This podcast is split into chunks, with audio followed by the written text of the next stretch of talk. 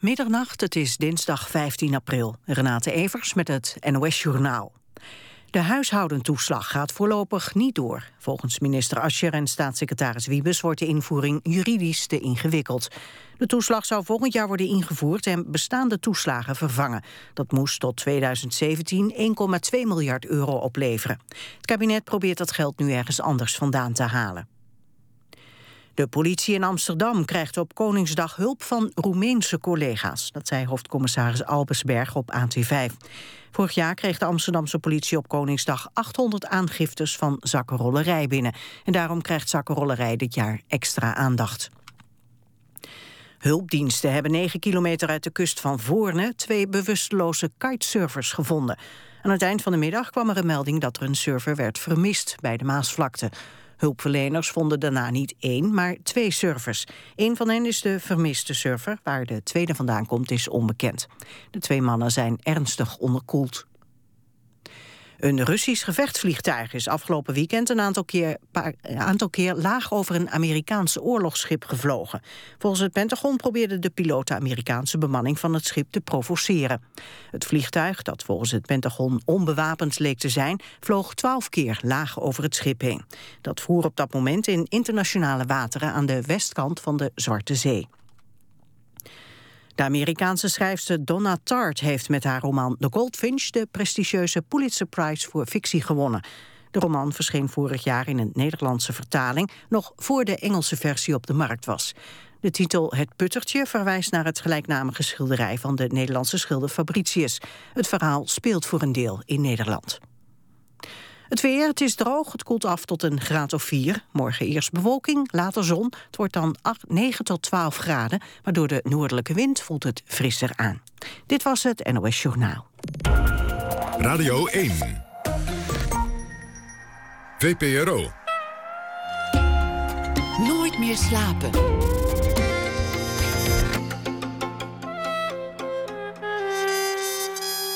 Met Pieter van der Wielen. Goedenacht en welkom bij Nooit meer slapen. Na één uur krijgt u een verhaal van Christine Otte. Zij schrijft elke dag deze week een verhaal voor u en draagt dat ook voor. Nieuwe Helden heet een wielerdocumentaire over de Nederlandse wielerploeg Giant Shimano, zoals ze in der tijd toen de documentaire werd opgenomen nog heette. We besteden aandacht aan die film na ene ook. Maar we beginnen met Peter Paul Verbeek. Ineens zat iedereen op Facebook en Twitter, of daarvoor had iedereen ineens een mobieltje. En straks heeft misschien ook wel net zo snel iedereen Google-lenzen in. En daarmee verandert niet alleen het straatbeeld, het verandert ook onszelf. Wij maken de techniek, de techniek maakt ook ons. En het plaatst ons voor steeds nieuwe ethische, morele problemen. De techniek stoppen, nou dat is veel gevraagd. Of zal de techniek juist een betere mens en een betere moraal opleveren? Gewichtige vragen. Ze staan centraal in het nieuwe boek Op de Vleugels van Icarus. Peter Paul Verbeek, hartelijk welkom techniekfilosoof van de Universiteit van Twente. Ja. Moet ik nog even netjes uh, erbij zeggen. Um, ben je zelf eigenlijk een, een, early adapter, zoals het heet? Iemand die er snel bij is met nieuwe foefjes? Ik geloof het wel, ja. ik heb altijd al een soort fascinatie gehad voor technologie. En uh, ja, ik, ik, ik, ik, geloof dat ik al mobiel uh, aan de e-mail zat. Al ruim voor de smartphone was geïntroduceerd. Dus uh, ja, ik vind het leuk, interessant. Ik vind het ook heel spannend eigenlijk om ermee te experimenteren. Niet alleen maar technologisch, maar ook gewoon als onderdeel van je, van je bestaan. In welk jaar had je je eerste mobieltje? Oh, nou, echt toen ze, toen ze net kwamen. Kon je via de Universiteit Twente al met een of andere kortingsregeling kon je een mobieltje kopen. Ja, god, wanneer was dat? dat is, nou, Nee, dat zou ik echt nu een blinde gok moeten doen. Maar, maar uh, veel eerder dan de rest. Nou ja, toen, toen had je uh, van die uh, draagbare... ja, dat was dus niet, niet een laptopje, maar een, een PDA heette dan. Een Personal Digital Assistant. Dat was een Psion, weet ik nog wel. Kon je openvouwen met een toetsenbordje en een zwart-wit beeldschermpje. En ik had ontdekt dat je die met een datakabeltje aan mijn telefoon kon hangen. Dat heette een WAP-telefoon. Dus daar zat een soort internetverbinding op. En dan kon ik mijn e-mail ophalen met dat ding. Uh, en dat vond ik heel erg uh, leuk. Ik, ik, werkte in de tijd uh, op de universiteit, maar één dag in de week ook nog bij een theatergezelschap als pianist. En dan als ik dan weg was, dan kon ik daar ook mijn e-mail lezen. dus ja, in die zin was ik wel een soort early adopter, ja. En zo uiteindelijk ook techniekfilosoof geworden. Ja. die, die mobiele telefoon, de um, ontwikkeling daarvan begon al begin jaren zeventig. Het duurt dat vrij lang voor iets in het straatbeeld opduikt. Ja. dat ding is al lang af Ik lees net op, uh, op nu.nl. Google heeft een patentaanvraag gedaan voor contactlenzen met ingebouwde camera. Dat is dan uh, nieuws. Daar, daar kan je de gevolgen toch eigenlijk nog niet van overzien. Nee, je kunt gissen, maar het is wel echt nieuws, denk ik. Ik bedoel, we zijn net een beetje aan het wennen aan de Google-bril die, er, eh, die, die eraan komt. Een aantal mensen in Nederland hebben hem al een stuk of drie, vier. Of nou nog ietsje meer, daar hebben we weinig zicht op. Je, je kunt hem kopen uh, via een omweg, maar er zijn een paar explorers die hem hebben. Het wordt al een hele innovatie, zou je kunnen zeggen. Dat je permanent een beeldschermpje voor je ogen hebt, waar ook een camera op zit. Maar bij die camera zie je nog of je aanstaat of niet. En je ziet ook of dat beeldschermpje wat voor iemands neus hangt beeld geeft of niet. Een contactlens met een camera erin is echt iets heel anders. Dan kun je eigenlijk permanent opnames maken, foto's maken, filmpjes maken. Zonder dat andere mensen dat doorhebben. Dus is een plechtige begrafenis van het begrip privacy.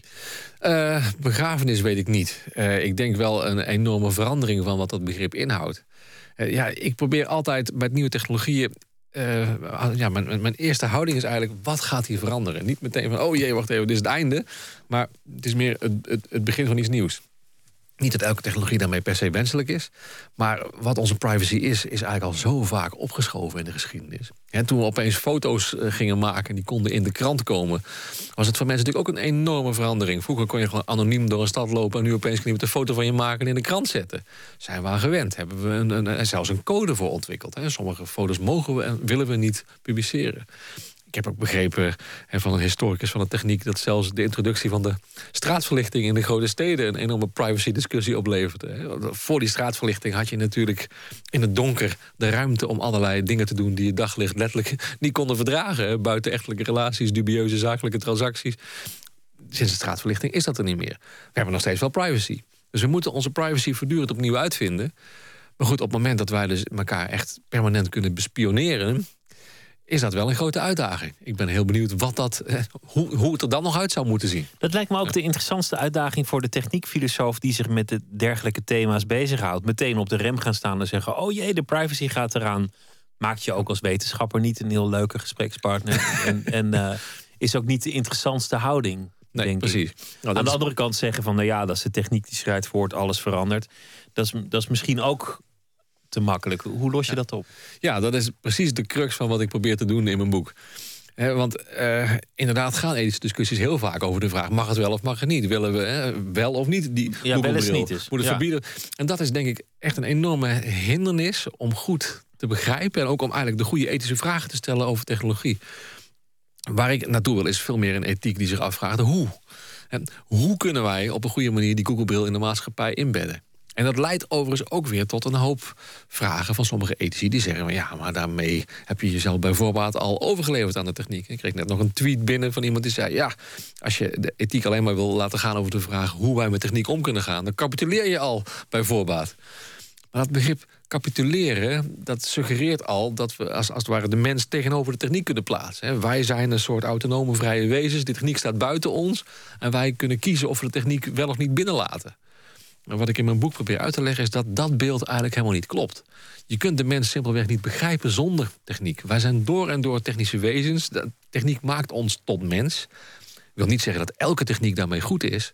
Maar het wil wel zeggen dat elke techniek om ons heen... op een bepaalde manier vorm geeft aan wat het betekent om mens te zijn. En dat we daar een weg in moeten vinden. Want zonder techniek zouden wij het niet redden. Zonder techniek zouden wij geen eten vangen. Daar hebben wij messen voor nodig. Of, uh, of, of uh, pijlen en boog. De oude Grieken hadden er al een mooie mythe voor. De mythe van Prometheus. Hè. Dus de, die mythe gaat erover hoe alle wezens op aarde aan hun eigenschappen komen.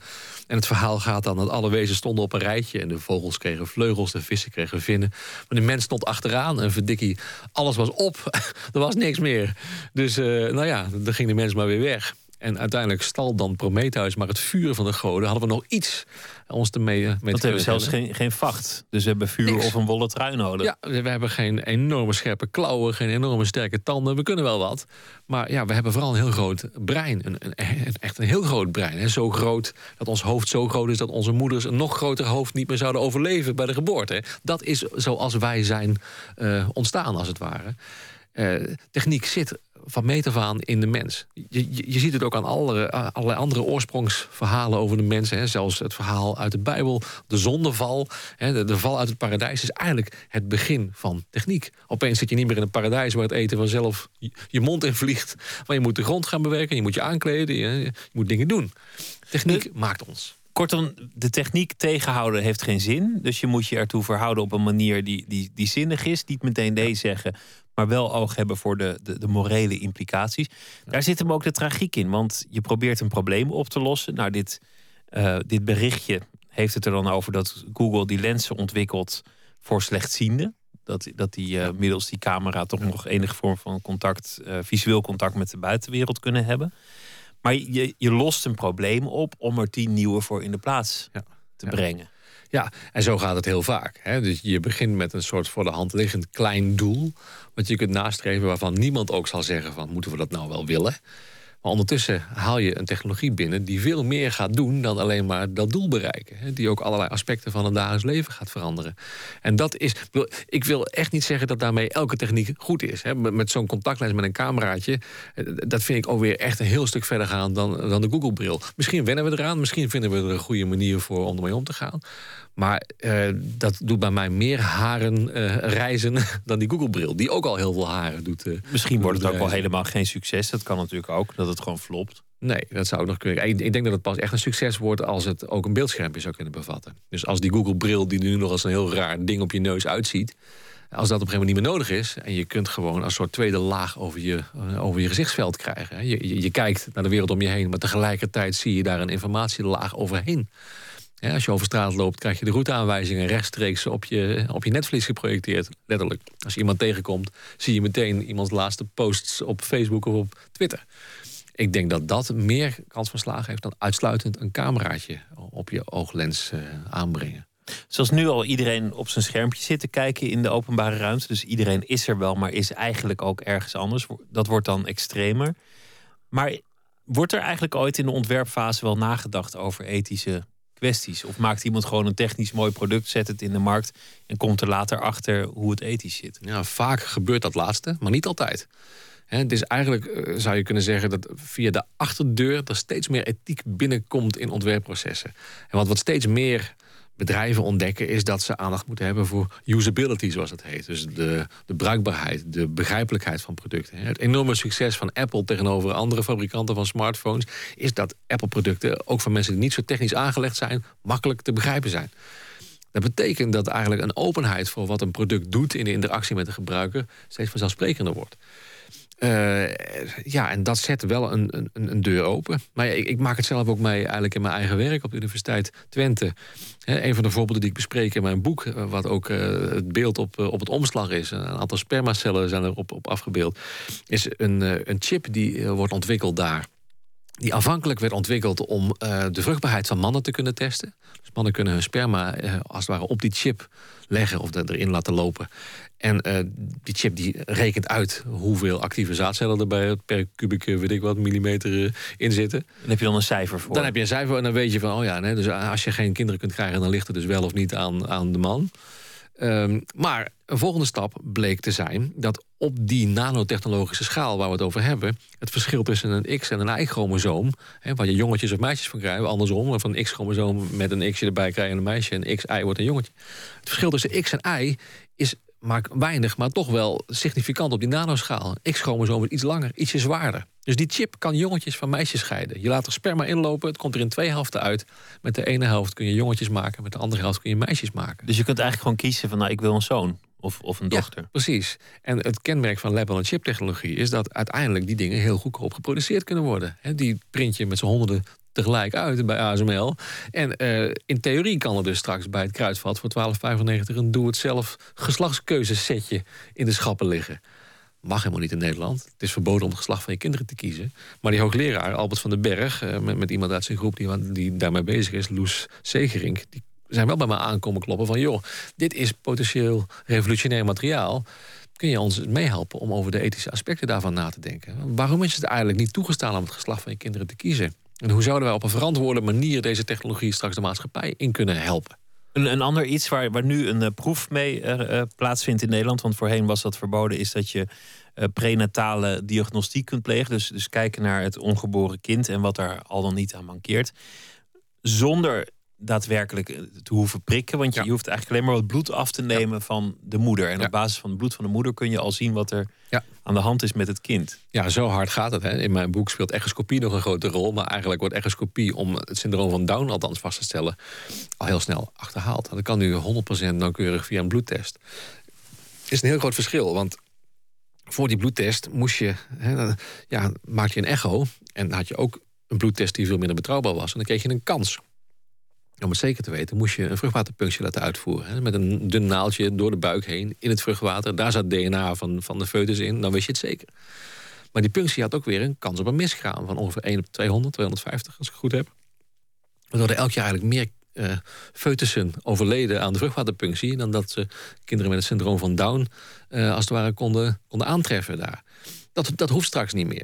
Dat betekent dat we als het ware nog makkelijker ja, zeg maar, verantwoordelijk worden voor het krijgen van een kind met Down. En dat is wat techniek eigenlijk doet. Dingen die vroeger vanzelfsprekend waren, die gewoon een soort noodlot waren, wat je trof, worden opeens dingen waar je zelf verantwoordelijkheid voor moet nemen. Waar je zelf dus er is een, een, ethische vraag um, ontstaan waar je, waar je een antwoord op zult moeten geven. Dus, dus voorheen kreeg je gewoon een jongetje of een meisje, ja. of, of, een, of een gehandicapt kind of niet. Maar ja. nu is het iets ja. waar je voor gekozen hebt als het je gebeurt. Of, of Precies. waar je voor moet verantwoorden. Laat ook heel mooi zien dat die gedachte dat techniek de mens overheerst... en dat eigenlijk onze ethische keuzes uit handen worden geslagen... dat dat helemaal niet klopt. Techniek roept juist ontzettend veel nieuwe ethische vragen op. We, we kunnen haast alle keuzes niet meer aan.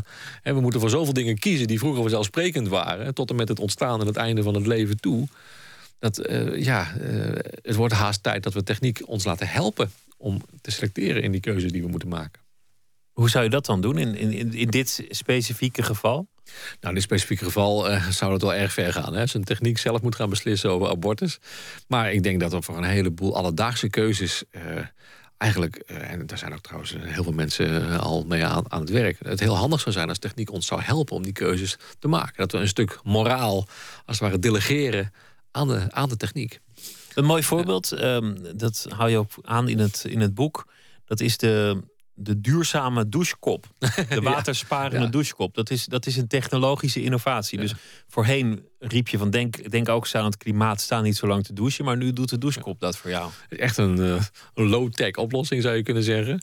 Maar we weten allemaal wel dat lang douchen uh, niet goed is. en uh, veel waterverbruik, veel energieverbruik. heel veel mensen vinden het toch een heel grote verleiding om lekker wakker te worden onder een lange warme douche. Of lekker lang te douchen voor je gaat slapen. Nou, dit is een van de manieren waar je mee kunt helpen. uh, natuurlijk, uh, nou ja, dat leidt tot minder waterverbruik. Je zou kunnen zeggen, een douche die, die op een gegeven moment afslaat. Die zegt van, nou joh, nog één minuut en dan is het echt tijd om te stoppen. Maar dit soort betutteling, dat zie je eigenlijk uh, in, in alle hoeken opduiken. Hè? De, het licht dat uitgaat als jij de kamer uit bent. Ja. De, de auto die, die een piepje geeft als jij onzuinig aan het rijden bent. De auto die jou waarschuwt dat je te hard rijdt. Ja. Um, je, kan, je kan zo gek niet bedenken of tegenwoordig probeert de techniek ons te betuttelen. Ja, je kunt het betutteling noemen. Maar het, het, het, kan ook een vorm van, van ascese zijn. Een vorm van zelfstilering, met een heel chic woord. Hè? Een vorm van ja, vormgeven aan hoe jij je bestaan wil inrichten. En de Amerikanen hebben daar een mooi woord voor. Hè? Een soort nudge noemen ze dat. Dus een hele benadering daar. Taylor en Sunstein, zijn twee Amerikaanse wetenschappers... die hebben een boek geschreven, Nudge. Nou, nudge betekent een soort duwtje, een porretje, een klein duwtje in een bepaalde richting. En ze hebben eigenlijk heel mooie theorie. Zij zeggen, onze keuzes komen tot stand in uh, wat zij noemen een soort keuzeinfrastructuur, een keuzearchitectuur. De materiële wereld waarin wij leven helpt ons om bepaalde keuzes te maken. Of we dat dan willen of niet. Dus wat voelt als een betutteling is eigenlijk niet meer dan het uh, nou ja, verantwoord afregelen van de instellingen, van de, van de default settings, van, van, van de standaard instellingen van onze materiële wereld. Kortom, uh, in plaats van te zeuren uh, over dat mensen te hard rijden, zou je ook gewoon een auto kunnen ontwerpen die niet harder dan 120 kan. Ja, sterker nog, ik zou dat eerlijk gezegd heel verantwoord vinden. Want als je nu kijkt hoe het werkt in een auto, de auto's die je, die je kunt kopen, die kunnen met gemak nou ja, veel harder dan de maximumsnelheid. De snelwegen, daar zitten ook nauwelijks bochten in die je niet met 180 kunt nemen. En dan staat er wel achter elk viaduct staat een, uh, staat een camera om jou te flitsen als je te hard rijdt. Dus er gaan heel tegengestelde uh, prikkels uit van die materiële omgeving. Ik zou denken, en er zijn trouwens ook al eh, proeven mee uitgevoerd... een intelligente snelheidsbegrenzer die gewoon weet waar jij zit op de snelweg... die weet wat de maximum snelheid daar is... kan je auto mooi op die maximum snelheid zetten. En het interessante is, en ze hebben daar een proef mee uitgevoerd in Tilburg... dat, dat mensen het nog prettig vinden ook. In het begin is er heel veel weerstand. Mensen zeggen, dat kan toch niet waar zijn? Dat is toch mijn eigen autonome keuze? Maar na een tijdje zeggen mensen... Hey, het haalt eigenlijk de hele stress uit het autorijden. Het is meer zoals in de trein. Er is gewoon een grens aan mijn snelheid. En ik ga niet meer lopen bumper kleven... om nog twee kilometer per uur harder te rijden. Nee, ik ga gewoon eventjes achter die auto hangen. Want harder kan ik toch niet. En dat geeft rust. Maar, maar laat het goede leven zich wel ontwerpen? Nou, niet uitsluitend. Het zou natuurlijk heel treurig zijn als het goede leven een totaal ontwerp zou zijn. Maar die, ik vind het mooi dat je dat woord het goede leven noemt. Want volgens mij is dat nou precies als het ware ehm, het, het, het, soort ethische vraag dat uh, door de zeef valt... Uh, op het moment dat we alleen maar ja of nee willen zeggen tegen techniek. Want dan is het van willen we het wel of willen we het niet... maar wat een goede manier van leven is met techniek. Dus de ouderwetse Griekse ethische vraag... wat is een goede manier van leven? Die valt eigenlijk helemaal weg dan. En wat mij betreft is er niet één antwoord op die vraag. Maar misschien zijn er wel twintig parallele antwoorden. En kunnen we allerlei stijlen van omgaan met techniek vinden. Maar als die Google-bril alleen maar leidt tot een discussie van... gaan we hem verbieden of staan we hem toe? Dan komt het er toch op neer dat hij ooit wordt toegestaan. En dan wordt het een soort liberaal antwoord van iedereen moet het zelf maar weten. Maar we hebben nooit een discussie gevoerd over de vraag wat hij met ons kan doen. Waar mensen zich aan kunnen oriënteren. Waar mensen voorbeelden aan kunnen ontlenen van hé, hey, zo zou ik het kunnen doen of zo zou ik het kunnen doen. Maar wat een ander probleem is, uh, je hebt het steeds over de techniek. De techniek hoort bij ons, de techniek is niet te stoppen. We hebben het hier eigenlijk niet over techniek, we hebben het hier over snoeiharde commercie. Mensen hebben niet per definitie het beste met ons voor. Ze hebben alleen het beste met ons voor als ze eraan kunnen verdienen. Ja, nou, we hebben het niet alleen over commercie, maar zeker. In het geval van Google hebben we het echt over dikkelharde commercie. ja, uh, maar ook daarvan uh, durf ik echt te betwisten dat het uitsluitend die commercie is. Ik bedoel, als er één bedrijf vol zit met allerlei nerds die het heerlijk vinden om nieuwe technologie te ontwikkelen en daar iets in de maatschappij mee te willen betekenen, dan is het ook wel Google. Dus natuurlijk is het gewoon een enorm groot bedrijf waar ongelooflijk veel geld wordt verdiend, waar uh, heel makkelijk omgegaan wordt met onze privacy. Dat geef ik je allemaal onmiddellijk cadeau. Tegelijkertijd is dat niet het enige waar je Google mee kunt karakteriseren laat wel zien dat natuurlijk een discussie over dit soort technologie nooit die politieke dimensie, en zeker de economische dimensie, helemaal weg kan poetsen. Dat is wel een andere discussie. dus uh, op het moment dat zo'n technologie er helemaal is, als zo'n Google-bril er eenmaal is, dan kunnen we wel lopen mopperen dat Google een miljardenbedrijf is en dat we het allemaal niet willen. Maar ja, dat ding is er nou eenmaal. En dan kun je als uh, ethicus wel heel hard nee roepen, maar dan draai je echt aan een stuur dat nergens op aangesloten is. Het enige wat we nog kunnen roepen is hoe. Hoe? Daar gaan we het uh, zo meteen over hebben. Maar uh, we hebben ook muziek, ehm, uiteraard. En even kijken, waar heb ik het? goh, nou, zie je, dat had ik met, met een pub-up screen... had ik dit in één keer goed bij, bij, de hand gehad. Ben Watts is de, de artiest. Een folk-rock album in een elektronisch tijdperk werd het omschreven. Engelse muzikant, DJ, producer en radiopresentator. Nieuw album heet Hendra en wij draaien het nummer Spring.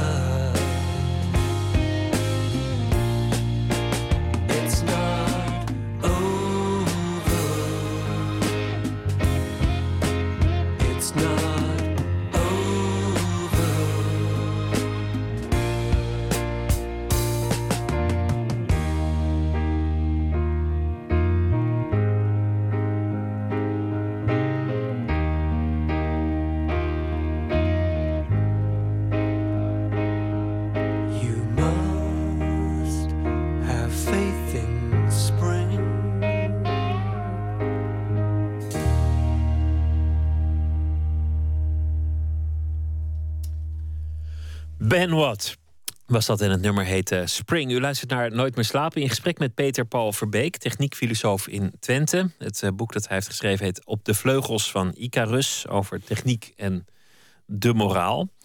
De, de afgelopen maanden ging het onophoudelijk over, uh, over het, de opgegeven privacy, over hoeveel informatie ze van ons, ons weten dat is eigenlijk vrij ongemerkt gegaan. Dat wij ineens iets hebben prijsgegeven, dat we, dat we heel veel hebben gekregen en nu pas zien welke prijs we ervoor betaald hebben. Maar we zitten daar mooi in vast. En is er dan eigenlijk een weg daaruit?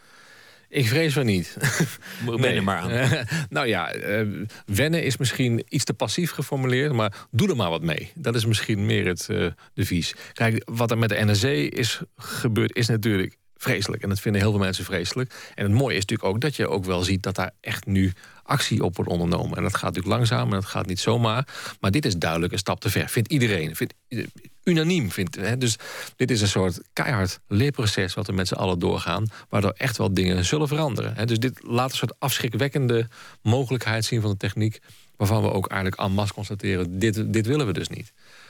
Maar het, het, is me altijd veel te makkelijk om dan maar een beetje te roepen van nou, dan, dus uh, wat slecht allemaal. Hè? Dit mag toch nooit gebeuren? Dat, gaat, hè, dat, dat, dat is zo makkelijk roepen vanaf de zijlijn. Want dat, bedoel, er is geen andere zijlijn. Waar, waar anders kunnen we roepen? nou, nee, we staan niet aan de zijde. We staan er middenin. Want het is ons, ons leven dat op het spel staat. En wij zijn de mensen die naar de stembus gaan. Wij zijn de mensen die met onze mobiele telefoon omgaan. Op, op het moment dat je dat beeldje gaat toe-eigenen... van de grote boze techniek buiten ons... en wij staan hier aan de zijlijn maar een beetje machteloos te roepen... Ja, dan is inderdaad het enige model wat je voor ethiek kunt hebben... is een soort verzet een soort protest. En dat voelt dan goed, want dan waren we er in ieder geval tegen. Het gaat toch door, maar wij stonden aan de moreel juiste kant. Hè. Zei je toch? Ja. ja, precies. En dat vind ik eigenlijk uh, ja, eh, veel te makkelijk. Hè. Dat is een beetje de rol die Stettler en Waldorf in de Muppet Show hadden. Ze zaten daar boven op het balkon, altijd te mopperen, altijd morele gelijk aan hun kant. Altijd uh, gelijk. Het was ook nooit goed. Uh, ze wasten hun handen in onschuld. Zij hadden het allemaal goed gezien, maar ze deden nooit mee. Ze hadden geen enkele impact op wat er daar op het toneel plaatsvond. Dat vind ik eerlijk gezegd ook een beetje laf. Je kunt er wel met z'n allen tegen de NRC gaan zitten zijn. Maar ja, dat lost helemaal niks op. Wat wel wat oplost, is erover praten, erover discussiëren, kritisch worden over welke provider je kiest, kritisch gaan stemmen, zorgen dat je op een partij stemt die daar alert op is. En ook misschien jezelf afvragen hoe die grens tussen privé en publiek voortdurend aan het opschuiven is en hoe je daar op een creatieve, goede manier mee om kunt gaan. Ja, dat is natuurlijk de, de, de volgende grap: dat mensen zich boos maken over uh, hun privacy en vervolgens alles, maar dan ook echt alles delen via social media. Ja, precies. Dat is, dat, dat, ik vind een van de meest rare paradoxen van deze tijd. Dat het toverwoord rondom ICT is privacy. En ondertussen wat we het meest uh, gewillig opgeven, is juist die privacy. op social media natuurlijk, waarbij we allerlei dingen openbaar posten die, die, die je misschien helemaal niet openbaar wil hebben. Maar ook gewoon in de openbare ruimte. Als je hoort, ik zit heel vaak in de trein, wat mensen allemaal uitwisselen via de telefoon in de trein. Dat is ongelooflijk. Eh, dus misschien vinden mensen dat uiteindelijk niet zo erg. Een, een veelgehoord misverstand is dat mensen denken dat zij klant zijn van Google of klant van, van Facebook. Dat is natuurlijk niet waar. Je bent de handelswaar. Je bent de handelswaar, dat is zeker. Waarom wil Facebook voortdurend dat jij je vrienden tagt in je foto's? Omdat ze een enorme database met gezichten aan het opbouwen zijn. Die straks natuurlijk heel handig is om gezichtsherkenning te kunnen toepassen. Jij bent net zo min klant van Facebook als, als dat het varken klant is bij Unox. Ja, Ja, ja zeker. Dat is, dat, dat is helemaal waar. Tegelijkertijd ehm, is dat niet alleen maar een soort afschrikwekkende constatering hoe vreselijk Facebook is. Maar als we dat niet meer kunnen opvatten als een uitdaging, dan pas leven we in de Brave New World, zou ik zeggen. Dan pas is 1984 werkelijkheid geworden. Want dan zijn wij echte passieve slachtoffers geworden die alleen nog maar kunnen mopperen. Maar we kunnen veel meer dan dat. We kunnen juist snappen wat techniek met ons doet. Eh, we kunnen er nooit buiten staan. Hè? Zelfs de morele kaders waar we mee kiezen, die worden al beïnvloed door techniek. Maar we kunnen er wel kritisch op zijn. zoals uiteindelijk, als je, als je zou terugkijken, als, als het nu 1911 was en je zou alles weten, dan zou je waarschijnlijk tegen de auto zijn. Dan zou je Ja, zeggen, nou, precies. dit, dit is om, om milieuredenen en veiligheidsredenen absoluut geen goed idee. Ja, en dat was in het begin van de auto ook zo. Heel veel mensen waren tegen. Ivan Illich heeft wel eens uitgerekend, een, een filosoof, eh, hoe hard de auto eigenlijk gaat als je alle kosten meeneemt. Hoe, hoe hard je moet werken om de auto te verdienen. Nou, dan gaat hij ongeveer net zo hard als wanneer je gaat lopen. dus dat zijn... Maar tegelijkertijd, als je nu terugkijkt in de geschiedenis zijn die discussies die wij nu hebben over privacy en het afschrikwekkende karakter van technologie, zijn al veel eerder gevoerd over technologieën die wij nu heel normaal zijn gaan vinden. Met een van de, maar misschien ook wel meest afgezaagde voorbeelden, maar het blijft zo mooi, Plato. Hier- met, met, ja, nou ja, een van de eerste filosofen wiens denken ooit is opgeschreven, eh, was tegen het schrift. Want hij zei, ja, als we straks al onze gedachten op gaan schrijven... dan kan niemand meer wat onthouden. En ik kan mijn ideeën ook helemaal niet meer zelf uitleggen aan mensen... maar mensen die lezen dat op papier... en die gaan misschien hele andere dingen daarin lezen dan ik bedoeld heb. Het einde van de beschaving. Ja, dat is voor ons nu eigenlijk heel onbeschaafd als mensen niet kunnen schrijven. Iedereen moet kunnen schrijven. Het is een wereldprobleem. An- Alfabetisme moet worden uitgeroeid. Dus het schrijven is bij de mens gaan horen. Eh, en niemand zal nu zeggen dat de mensheid is uitgehold daardoor. Dus dat is, denk ik, het spannende van technologie. Als je eenmaal ziet dat mens en techniek heel diep zijn verweven, dan zie je ook dat ook onze ethische kaders beïnvloed worden door technologie. Dus je kunt nu wel denken dat je met een soort ethische maatstaf, meetlat, die techniek gaat beoordelen. Maar die meetlat zelf, die wordt beïnvloed door die techniek. Dus onze ethiek, of, of het kader waarvanuit wij alles beoordelen, die, wordt, die verandert mee met de techniek Ja. eigenlijk. Dus op het moment dat wij zelf kunnen gaan kiezen of wij een kind krijgen met het syndroom van Down, is dat aanvankelijk misschien een soort huiveringwekkende keuze. En gaan we zitten op de stoel van God voor sommige mensen? Of hè, krijgen we een soort macht die, die veel te groot is? Een macht over leven en dood willen we niet hebben? Gaandeweg ontdek je dat eigenlijk het simpelweg betekent... simpelweg, zo simpel is het niet... dat wij nu zelf verantwoordelijk worden voor het krijgen van een kind met syndroom van Down. En dat het niet zo is van, ach, het komt ons niet zo goed uit, weg ermee. Maar dat het een hele complexe morele vraag wordt. Kan ik een kind dat leven aandoen als ik zelf nu de keuze kan hebben? En er zijn kinderen die hun ouders aanklagen voor het feit dat ze geboren zijn met een verschrikkelijke aandoening. Maar dat is eigenlijk al een stap daarvoor. Dat, dat je vroeger helemaal niet zo ontzettend veel de keuze had of je een kind nam. Ja, je, Ja. je kon voor Ja. het huwelijk je een beetje inhouden. Ja. Dat, dat viel in praktijk ook nog niet altijd mee.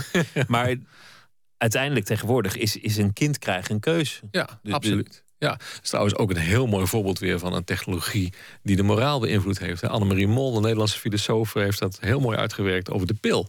Dat de pil natuurlijk een ongelooflijk grote rol heeft gespeeld in de emancipatie van vrouwen. hè. Want sinds de pil kunnen niet alleen maar mannen, maar ook vrouwen seks hebben zonder kinderen ervan te krijgen. Maar ook in de emancipatie van homo's. Want de pil heeft voor ons seksualiteit en voortplanting helemaal losgetrokken. Voor het eerst is er met de pil een echt behoorlijk betrouwbare methode van anticonceptie ontstaan. Waardoor wij nu seks hebben omdat we het fijn vinden. En op een gegeven moment wel kiezen voor kinderen. Nou, een heel vanzelfsprekend argument tegen homoseksualiteit was heel lang dat het onnatuurlijk of gek of vies was om seks te hebben zonder dat je er kinderen van kon krijgen. Daar was seks toch niet voor bedoeld. Seks was voor de kinderen. Maar voor ons is seks helemaal niet meer voor de kinderen. Dus zo'n kleine eh, bolletje met hormonen een enorme invloed hebben op onze morele kaders. Nou, dat vind ik ongelooflijk interessant. Dus de, de, de homo-emancipatie is mede mogelijk gemaakt door de voortplantingsvrije seks die voortkwam uit de pil. Ja, ja. kijk, dat heeft eh, Annemarie eh, natuurlijk niet empirisch onderzocht. eh, althans niet met, met een statistisch onderzoek. Maar ik vind het een heel overtuigend verhaal. Omdat eigenlijk de hele argumentatieruimte die je tot je beschikking hebt... totaal is veranderd door die pil. In een wereld zonder de pil zijn seks en voortplanting nou eenmaal heel logisch aan elkaar gekoppeld. Je noemde net een, een aantal van die prachtige uh, dystopieën, van, van die toekomstscenario's die ooit geschreven zijn, die ons allemaal zijn bijgebleven. 1984, Brave New World. In Brave New World uh, waarschuwt Huxley dat in, een, in de door hem beschreven toekomst mensen permanent hun stemming zullen beïnvloeden met pillen. Je hebt dan een pil om te werken, een pil om te slapen, een pil om te feesten, een pil voor de lust. Eigenlijk is dat gewoon uitgekomen. Ja, zeker. Misschien niet altijd met pillen, maar uh, met andere middelen. De pil was zeker in die tijd, en niet de pil, maar een pil, uh, een symbool voor de ultieme maakbaarheid. Een pilletje slik je in en dan gebeurt er iets zonder dat je moeite moet doen. Het gaat helemaal vanzelf. Maar ja, dat brein, uh, waar het dan eigenlijk over gaat, is nu natuurlijk ja, maakbaarder dan het ooit was. Met medicatie, met implantaten in het brein. Anti antidepressiva, uh, partydrugs, uh, Viagra, ja. Ritalin, slaapmiddelen, Ritalin. Ja, absoluut. En niet alleen maar de pillen, maar ook de implantaten in het brein. Of je kunt tegenwoordig ook onder een soort droogkapje gaan zitten... waardoor de magneetvelden op je brein worden afgevuurd. Die ook, hè, dus al een erkende therapie tegen depressiviteit. Dus zo, een stuk van ons uh, geestelijk functioneren is maakbaarder geworden dan het ooit was. Tegelijkertijd uh, is het mooie, denk ik, van zien hoe, de, hoe dat werkt, dat het ook er niet toe heeft geleid dat wij een complete slaaf van de machine zijn geworden en de machines ons maar afregelen naar het de machine belieft. Sterker nog, het is voor ons ook een enorme moeilijke klus geworden om om te gaan met al die technologieën die we tot onze beschikking hebben om ons brein te beïnvloeden. Um, je, je kunt ook zien dat allerlei normen voor goed functioneren op gaan schuiven. Bedoel, al die discussie die je hebt over doping in de sport... die krijg je straks misschien wel over de wetenschap. Er is een tijdje geleden aangetoond dat een op de vijf topwetenschappers... Uh, uh, pillen slikken zoals Ritalin om zich beter te kunnen concentreren. Hè, om na middernacht nog dat artikel te kunnen afschrijven... terwijl ze eigenlijk in slaap zitten te sukkelen. Dus ja, dat, dat roept allerlei nieuwe vragen op. Uh, in plaats van dat het alleen maar mensen dwingt om die kant op te gaan. Maar dat betekent eigenlijk, net als uh, die prenatale diagnostiek, hè, dat, je, dat je kunt selecteren wat voor kind je wil. Nou, nu gaat het dan alleen over het geslacht, een jongetje of een meisje. Maar dat zou je theoretisch veel verder kunnen uitbouwen. Je zou op eigenschappen moeten kunnen selecteren op een zeker punt in de toekomst. Ja. Denk ik. Ja. Ik neem aan dat dat wel, wel eens op een dag mogelijk zal zijn. Denk ik ook. Ja. Um, je beïnvloedt je eigen stemming en functioneren aan de hand van, van pillen of implantaten. Ja. Dus eigenlijk word je zelf een product van die techniek. Je Ja. bent zelf voor een deel techniek. Het interessante is alleen dat zo maakbaar als het klinkt... eh, het in de praktijk nooit is. Want in de praktijk zijn er altijd weer complicerende factoren... dingen die anders uitpakken dan je dacht. Dus dat idee van... en nu hebben we als het ware de ultieme sleutel gevonden... om onszelf helemaal onder controle te krijgen. Nou, dat idee... Dat, dat, dat heb je door de geschiedenis heen voortdurend gezien. En voortdurend worden we weer erin teleurgesteld. Terwijl wat je ook door de geschiedenis heen ziet... is voortdurend pogingen om technieken voor het zelf... zoals ja, Foucault ze, ze noemde. Dus technieken om jezelf vorm te geven... van, van meditatie tot weet ik wat. Dat, die, die zijn er altijd geweest. Mensen willen op een of andere manier greep krijgen op zichzelf... op hun mentale functioneren... op eh, eh, de, de kwaliteit van eh, hun prestaties, van hun liefdesleven en zoeken naar middelen om daar vorm aan te geven. Maar die middelen zijn nooit neutraal. Die middelen zorgen er altijd voor dat je het op een bepaalde manier doet. Als je met een, eh, met een pilletje om je te concentreren... opeens eh, langer kunt doorwerken als, eh, als wetenschapper... betekent dat niet dat dat een soort neutrale interventie is. Want vervolgens heb je natuurlijk op een gegeven moment wel slaapgebrek. En ga je op andere vlakken weer slechter functioneren. Alles heeft zijn prijs. Maar Ja, de, de keus geboren te worden is nou bij uitstek iets waar je niet over gaat. nee. En als, als iemand kiest op eigenschappen of jij geboren zult worden of niet. Ja, dat, zul je ook niet weten, want dan ben je waarschijnlijk niet geboren. Nou, dat zijn hele grote keuzes. Eh, tegelijkertijd is het natuurlijk ook niet zo dat wij nooit hebben geselecteerd op ons nageslacht. Eigenlijk is onze partnerkeuze daar al een voorbeeld van. Eh, Nietzsche, de filosoof, die natuurlijk niet bekend staat om zijn subtiliteit. Hij zei al dat het christendom eigenlijk een vorm van genetische manipulatie is. Eh, nou, dat zei hij niet in, in die woorden, maar het komt erop neer. Hè. Dankzij de moraal van solidariteit kunnen de zwakkeren en de sukkeltjes zich voortplanten, zei hij eigenlijk, in plaats van de sterkeren die overwinnen. Dus wij, wij kiezen natuurlijk impliciet op allerlei manieren al voor ons nageslacht. Alleen de methoden die ons daarbij ter beschikking staan worden steeds verfijnder. Maar hebben ook altijd hun keerzijde. Roep nieuwe verantwoordelijkheden op, nieuwe specifieke interpretatiekaders om te snappen wat je wel of wat je niet zou kunnen of moeten willen. Dit is natuurlijk de meest populaire der dystopieën, namelijk dat, dat er dan een nieuw ras ontstaat of een, of een nieuwe mens die uiteindelijk denkt, nou ja, die laatste exemplaren van de oude mens, die, daar moeten we nu ook maar eens vanaf. Ja, die mooie beelden van Michel Houellebecq de mogelijkheid van een eiland. En die roman die opent zo prachtig met... Uh, prachtig, een soort uh, post-apocalyptische wereld. Er is een enorme milieuramp geweest. Gitzwart boek. Gitzwart. En daar wonen, wat er nog over is van de mensheid... dat zijn een soort wilden die in de natuur leven. En als die aan de poort rammelen, dan worden ze niet binnengelaten. Als er een hond rammelt, dan wordt er nog eens een, stuk vlees er binnen geworpen. Maar de mensen, nee, die, die kunnen we niet hebben. Ja, dat is natuurlijk een heel mooi dystopisch beeld. Uh, maar Ehm, een beeld wat echt um, nou, hooguit een soort gidsfunctie kan hebben om ons te bepalen bij de gevaren van techniek, maar niet echt reëel is, omdat die mens die wij zijn zich voortdurend ontwikkelt met die techniek. Dus dit beeld doet alsof er een soort opvolger van de mens komt... die de huidige mens achter zich zal laten. Alsof ze ooit parallel zouden bestaan. Maar de mens ontwikkelt zich voortdurend door. En het lijkt mij inderdaad heel logisch dat de mens er over 100 jaar, 200 jaar weer heel anders uitziet dan nu. Maar ik denk ook dat mijn grootouders zich niet zouden herkennen in mensen die met een Google-bril op straat staan. Of eh, staan te bellen op straat zelfs al. Ja, ook überhaupt onze morele kaders, het tempo van leven, het tempo van praten. Alles is zo ontzettend snel veranderd. Maar ik denk dat de mens over 300 jaar globaal even stomzinnig zal zijn als nu. Dat wij ook globaal even stomzinnig zijn als 300 jaar geleden. In een bepaald opzicht wel, ja. Ja, dat, dat, dat, denk ik ook. Omdat uiteindelijk het leven een uitdaging blijft... die niet alleen maar langs technologische middelen uh, aan te gaan is. We hebben nog, uh, nog, nog een plaat. Uh, Lieke Lee is een Zweedse singer-songwriter. bekend van een hitje, I Follow Rivers. En nu heeft ze een derde album uit. En de single daarvan is Love Me Like I'm Not Made of Stone.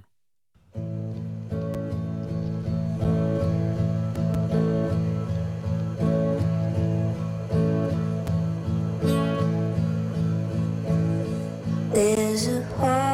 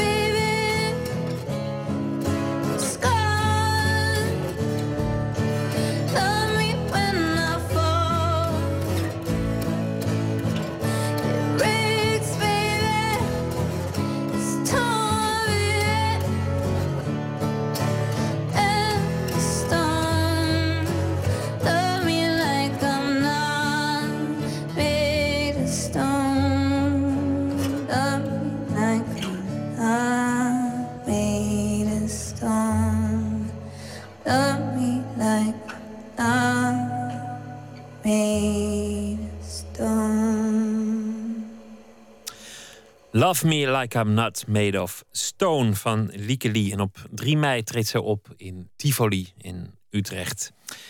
Peter Paul Verbeek is mijn gast. Op de vleugels van Icarus is de titel van zijn boek over de, de moraal en, en de techniek. Ja, dat zijn natuurlijk de allerleukste ehm, kwesties. Er, er was een man in, in de Verenigde Staten. In, in het boek noem je ook een, een man in Leiden die een soort gelijke casus had. De man in de Verenigde Staten die was ernstig depressief. Die kreeg een, een soort pacemaker in zijn brein geïmplanteerd.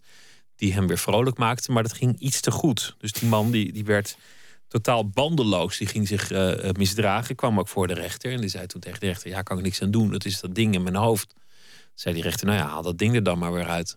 Zei die, ja, dat kan ik niet doen, want dan ben ik ernstig depressief. En toen heeft die rechter uiteindelijk, wat volgens mij wel een verstandig besluit was, gezegd: Nou ja, maakt mij wat uit wat je in je hoofd hebt zitten. Je krijgt gewoon zes maanden cel en daarna zoek je het maar uit. Dan, dan ben je er vanaf. Maar, maar eigenlijk zitten daar natuurlijk wel essentiële Ja. kwesties. Als, Ja. je, als je zo ver in het brein gaat ingrijpen, ja, wie ben je dan nog en wat is er dan nog verantwoordelijk? Ja, precies. En ben jij meer verantwoordelijk zonder dat ding in je brein dan met? Ik bedoel, is eh, depressiviteit een, een aandoening die ja, je doorrekeningsvatbaarheid net zo kan beïnvloeden als een implantaat in je brein? Het zijn mooie voorbeelden. hè. Dat voorbeeld eh, wat in mijn boek een rol speelde, dat was eh, een Parkinson-patiënt. Dus iemand die eigenlijk als bijwerking ook een psychische bijwerking had. Hè, die door een implantaat weer kan lopen, maar ook manisch werd. Dit is natuurlijk een ander voorbeeld. Dit is echt iemand met een psychische aandoening... die ook een ander psychisch patroon ervoor terugkrijgt. Het laat ook wel heel mooi zien, denk ik... wat voor enorme krachten wij ehm, eh, nou ja, vrij kunnen maken... met dit soort technologieën. En wat voor nieuwe verantwoordelijkheden je krijgt. Hè, ik heb af en toe wat interactie met een, een, een Amsterdamse psychiater... Damian Denies, die ook veel werkt met hersenimplantaten... bij psychiatrische aandoeningen. Die dus voor hele interessante ethische dilemma's komt te staan. Als je het hebt over depressiviteit... een van de casussen die hij af en toe in ethische zin bespreekt... is van een man die een dwangstoornis had. En de dwang bestond erin dat hij elk dorpje wat hij binnenkwam... eh, als hij in de auto reed, moest hij eh, meteen achterhalen... hoe de burgemeester heette, hoeveel inwoners het dorpje had... weet ik veel, al, allerlei enorme subtiele details hebben. En dat moest gewoon, anders dan kon hij niet verder... En dat gaf toch blijkbaar achteraf gezien een soort prettige ja, zeggen, dynamiek aan, aan, hun bestaan. Want die liet zich uiteindelijk implanteren. Hè, want hij, hij kon gewoon niet fatsoenlijk leven met die aandoening. En opeens veranderde hij in een soort eh, totaal initiatiefloze, passieve kerel... die alleen maar op de bank ging. Waardoor zijn vrouw uiteindelijk aanklopte bij, eh, de, eh, bij de psychiater. Van joh, gaat echt iets mis. Ik bedoel, dit is niet meer de kerel met wie ik getrouwd ben. Er, er zit geen enkel leven meer in. Maar hij zei, ja nee, maar sorry, maar dit ben ik echt. En zo was ik altijd al. Alleen die ziekte die maakte mij heel actief. Maar zo ben ik echt. En die vrouw die vroeg van, kun je niet die instelling een beetje veranderen? Dat hij nog een klein beetje obsessief is. Dus kun je niet een soort relatietherapie doen, bij wijze van spreken... maar dan niet met praten, maar met een implantaat in je, in je kop. Ethisch dilemma. Gaan we het huwelijk redden? eh, tegen de zin van die man in. Of, nou ja, uiteindelijk, die, die, die, die man wilde niet dat die instellingen werden veranderd. Dus dat huwelijk zit met een enorme spanning. Eh, Een totaal nieuwe dimensie die je als psychiater krijgt. Dat je eigenlijk eh, ook eh, ja, zeg maar verantwoordelijk wordt voor de kwaliteit van iemands huwelijk. Maar niet dat, is, met dat, is wel, dat is wel op te lossen. Ik bedoel, je individuele ontplooiing toch belangrijker dan het huwelijk. En als psychiater, ja, wie betaalt? Ja, nou ja, Nou, de, de cliënt ja. zelf, niet zijn vrouw. Nou, ik- ik ik weet eerlijk gezegd niet precies wat de uitkomst was. Maar ik kan me haast niet anders voorstellen dan dat als die man zegt dat die instellingen niet veranderd mogen worden, dat ze niet veranderd worden. Maar een andere casus is misschien nog interessanter. Een vrouw met een dwangstoornis die maar niet te helpen viel, te helpen viel. Die uiteindelijk terugkomt bij hem op spreekuur en zegt: Nou, eindelijk is het opgelost.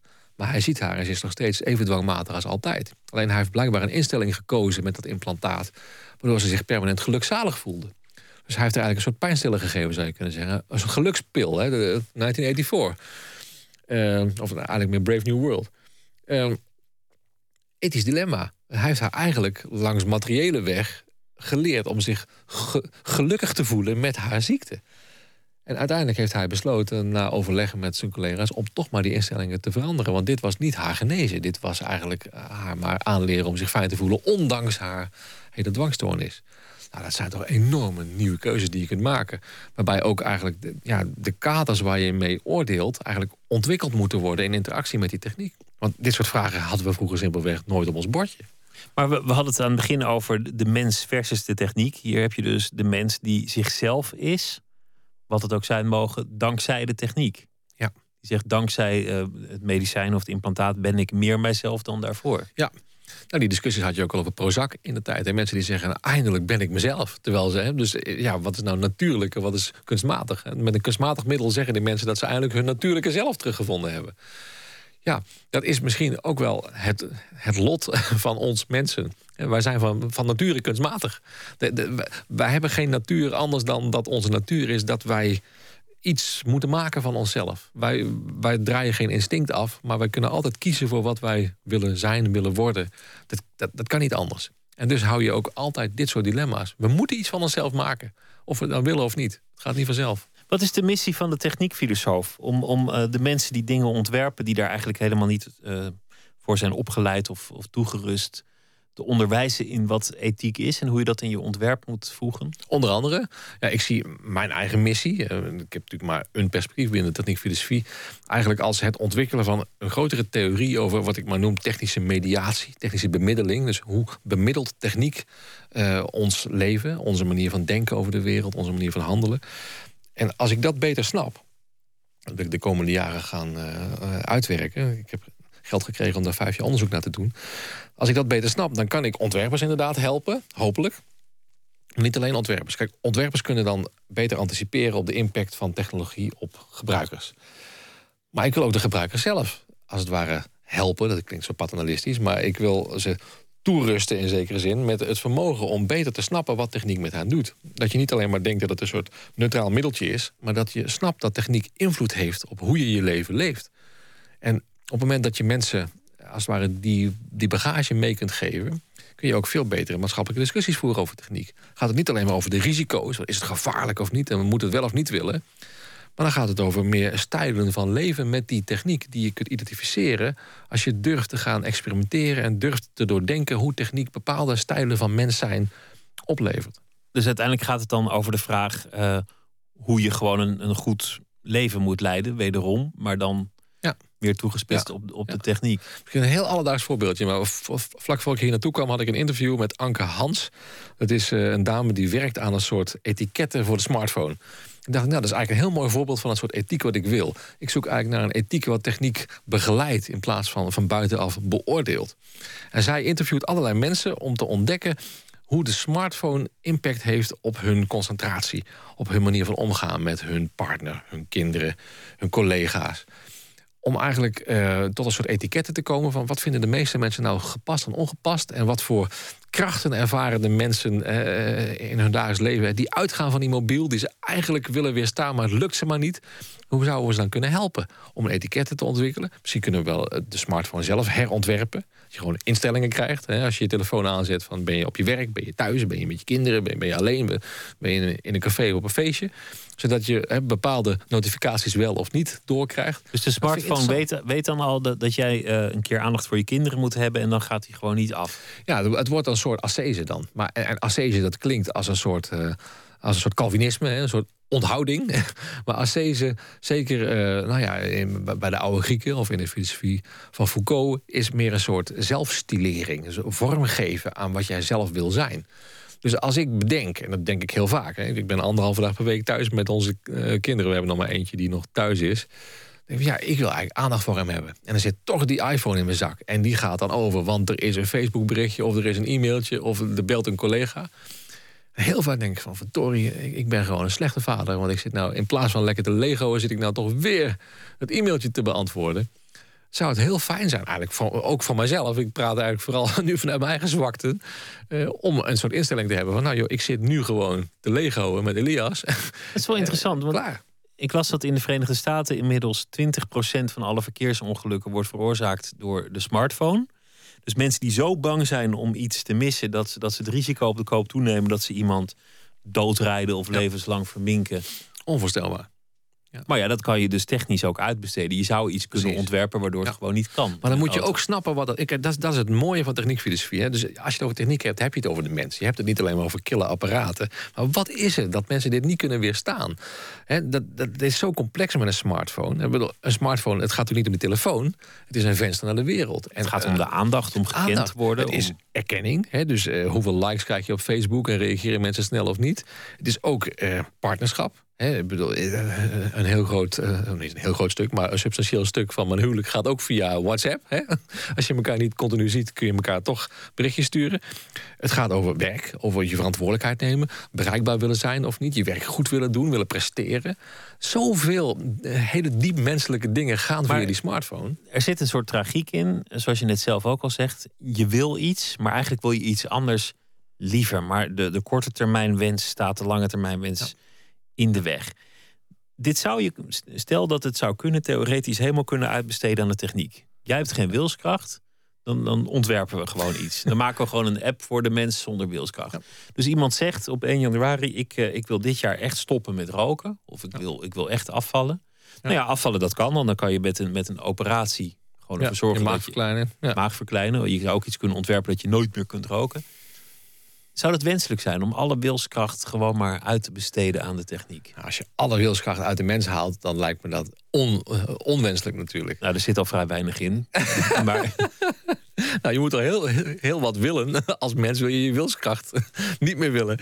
Dat is de- natuurlijk Maar de, onder- de onderliggende vraag is, en, en om, omdat het op zoveel vlakken gebeurt. Hè, er, er wordt nu mayonaise ontworpen waar je niet dik van wordt. Nanonaise. Ja, ja. of, eh, of auto's die remmen als, je, als jij te hard rijdt. Ja, Of, eh, ja, die zijn er al. of, ja, tal, van, tal je- van dingen. maar de, de ruimte waarin je nog lekker uit de band kan springen. Waarin je een keer moedwillig het slechte kunt doen. Ja.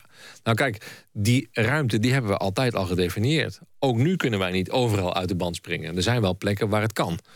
Dus het is ook een beetje flauw om te zeggen van ja, eh, straks hebben we nergens meer een ruimte. Nee, die, die, die ruimte moeten we opnieuw uitvinden. En we moeten onszelf opnieuw uitvinden in interactie met die technologieën. Maar dat wij onszelf ook bepaalde regels en beperkingen opleggen met die technologieën, ik denk dat dat alleen maar goed is. Het is een soort leerproces. Dus ehm, ja, wij eh, hebben nu ook een slot op onze deur. Hè? Dat is ook eh, een manier om inbrekers buiten te houden. Zeggen, ja, maar we moeten eigenlijk een beroep doen op het geweten van de inbreker. En dat hij zelf maar moet bedenken dat hij niet mag inbreken. Nee, dat doen we niet. We doen een slot, zodat de inbreker er niet in kan. Dus dat leidt niet tot een morele luiheid, maar het is gewoon een manier om om te gaan met een zwakte in sommige mensen waarvan we weten dat die bestaat en die willen we voor zijn. Nou, op zo'nzelfde manier zou ik me kunnen voorstellen. eh, ik, ik zou er baat bij hebben, denk ik. dat ik een instelling kan kiezen op mijn iPhone en zeg: joh, jongens, het is vrijdagochtend, ik zit thuis met mijn kind. Eh, geen telefoontjes, of alleen maar als de secretaresse belt en verder niemand. Of zo. Ja, of, of gewoon het kind ook een smartphone geven. En dan dat je jong geleerd, oud Ja, gedaan. wie weet, een kind van drie, mis- nou, dat moet best kunnen. Met, met de iPad kan hij ook al overweg, dus met, met een iPhone vast ook. Nog, eh, nog vijf jaar duurt het, eh, het project waarbij je dit eh, onderzoekt. En, en tal van andere projecten die, die daarbij komen kijken. Dank dat je te gast wilde zijn. Ehm, ik noem nog even de titel van het boek. Op de vleugels van Icarus. Hoe techniek en moraal met elkaar meebewegen. Dankjewel, Peter Paul Verbeek. Graag En gedaan. eh, heel veel succes met het eh, verdere onderzoek en met het voortschrijden der techniek natuurlijk. Nooit meer slapen gaat eh, verder. En wij hebben zo meteen voor u een verhaal van Christine Otten. Die schrijft elke dag deze week een verhaal. We gaan het hebben over eh, wielrennen. Naar aanleiding van de documentaire Nieuwe Helden. En we gaan het ook hebben over ontaarde kunst. Arte de kunst. Dat is een eh, tentoonstelling in New York. Straks aandacht daarvoor. En eerst even het nieuws. We zitten ook op Twitter, VPRO NMS. En nooit meer slapen, VPRO.nl is het e-mailadres.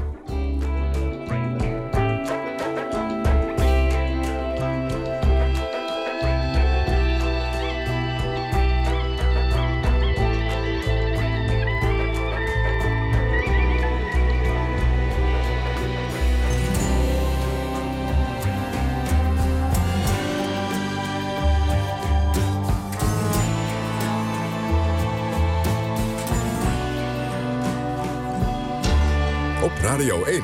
Het nieuws van alle kanten.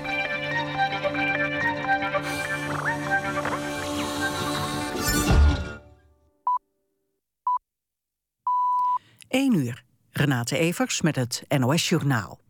De zus van een van de doodgeschoten overvallers van de juwelier in Deurne... heeft de politie informatie gegeven over een derde en mogelijk vierde dader. Dat zei advocaat Plasman in het televisieprogramma RTL Late Night. Hij staat de moeder en zus van een van de overvallers bij. Volgens Plasman heeft de vrouw de andere daders niet zelf gezien... maar heeft ze informatie verzameld waaruit blijkt dat er meer daders bij de overval betrokken waren. Ze zegt dat haar broertje niet de regisseur van de overval was. Plasman reageerde ook op de verklaring van het juweliers-echtpaar... die de NOS zondag naar buiten bracht via hun advocaat Kuipers. Volgens Plasman bewijst het verhaal van het echtpaar niet... dat er sprake was van noodweer. De coalitiepartijen VVD en PvdA en drie oppositiepartijen zijn het op hoofdlijnen eens over een extra bijdrage voor de zorg. Dat heeft D66-fractieleider Pechtold gezegd. Inhoudelijke details maakte hij niet bekend. Komende ochtend wordt er verder gepraat tussen de coalitie en de oppositiepartijen D66, ChristenUnie en SGP. Bij een gewapende overval op een huis in Kerkdriel is de bewoner neergeschoten. Hoe hij eraan toe is, is onbekend. Drie overvallers in zwarte kleding en met bivakmutsen op drongen het huis afgelopen avond binnen. Op dat moment waren de bewoner en enkele gasten aanwezig. Wat er vervolgens is gebeurd kan de politie nog niet zeggen, maar er is geschoten en daarbij raakte de bewoner gewond. Hij was wel aanspreekbaar en is naar het ziekenhuis gebracht. De drie daders zijn gevlucht. De politie in Gelderland verwacht in de loop van de dag meer details naar buiten te kunnen brengen. Het weer, het is droog en het koelt af tot een graad of 4. Overdag eerst bewolking, later zon en het wordt dan 9 tot 12 graden. Maar door de noordelijke wind voelt het een stuk frisser aan. Dit was het NOS Journaal. Radio 1.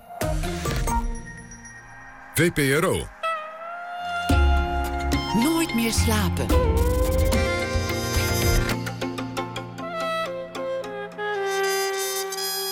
Met Pieter van der Wielen. U luistert naar Nooit meer slapen. We beginnen dit uur zoals gebruikelijk met een schrijver of dichter die reageert op iets dat er die dag in de wereld is gebeurd. Deze hele week is dat Christine Otte, schrijfster die fictie en werkelijkheid met elkaar verweeft. Bijvoorbeeld in haar roman De Laatste Dichters, dat was haar doorbraak in 2004. Het ging over de levens van een groep Afro-Amerikaanse dichters uit de tijd van de Black Power. Over een maand verschijnt een nieuw boek van haar, een liefdesgeschiedenis. De titel is Rafael. Goedenacht, Christine. Goedenacht. Leuk dat je het wil doen, elke dag een verhaal. Het, is, eh, het schijnt een zware opdracht te zijn, hoor ik van alle het is heel voorgangers. spannend, ja. Maar ook heel leuk. Oh, dat, dat, is, eh, dat is mooi dat het al meteen bevallen is. Waar, eh, waar heb je je door laten inspireren vandaag? Door, door de toestand in Oekraïne. Oh ja, dat is, dat is flink actueel. Dat is flink actueel, ja. Omdat, ja, ik, ik, ik, ik vind dat namelijk... Ik weet dan namelijk niet zo goed wat ik daar... Wat ik daarvan moet vinden. Ehm, het is zo'n verwarrende geschiedenis. En, en iedere dag... eh, het is heel spannend. En, ehm, ja, maar het is, het is niet precies duidelijk hoe het zit allemaal, vind ik. Dus dat, ja, ja ik, ik, ik, ehm, ik weet ook niet zo heel erg veel van die geschiedenis, moet ik zeggen. Dus dat vond ik wel leuk om daar eh, iets mee te doen. Nou, dat is grappig, want dat zijn eigenlijk allemaal dingen die, die je juist ook als argument zou kunnen hanteren om het er niet over te doen. Ja, nee, dat is ook zo. Dat is ook zo. Maar ik dacht, ja, dat, dat ga ik dan juist wel doen. Oké. Ik weet ook niet precies, dat doe ik dan intuïtief. Maar eh, ja, ik, ik, ik, ik, ik, eh, ik las, ik las zo'n verslag van, eh, in de krant van, ja, een reportage eigenlijk. En dan, ja, dan, denk ik, dan, dan denk ik altijd, ja, dat is zo'n jongen die daar... ja, van die jongens die daar eh, vechten of die- die daar staan te wachten of dat dreigen op zo'n plein. En dan denk ik van ja, wat, hoe, hoe gaat dat dan als ze dan, eh, gaan ze dan naar huis om te slapen of, hè, ja, wat voor, werken ze dan niet of, nou ja, dat, dat soort dingen denk ik dan altijd. En dan hebben ze familie en hoe, hoe- hoe gaat dat? Want dat is natuurlijk de wereldpolitiek, maar dat, als, het, als je dat terugbrengt naar hele gewone mensen, dan, ja, dan wordt het ineens heel anders.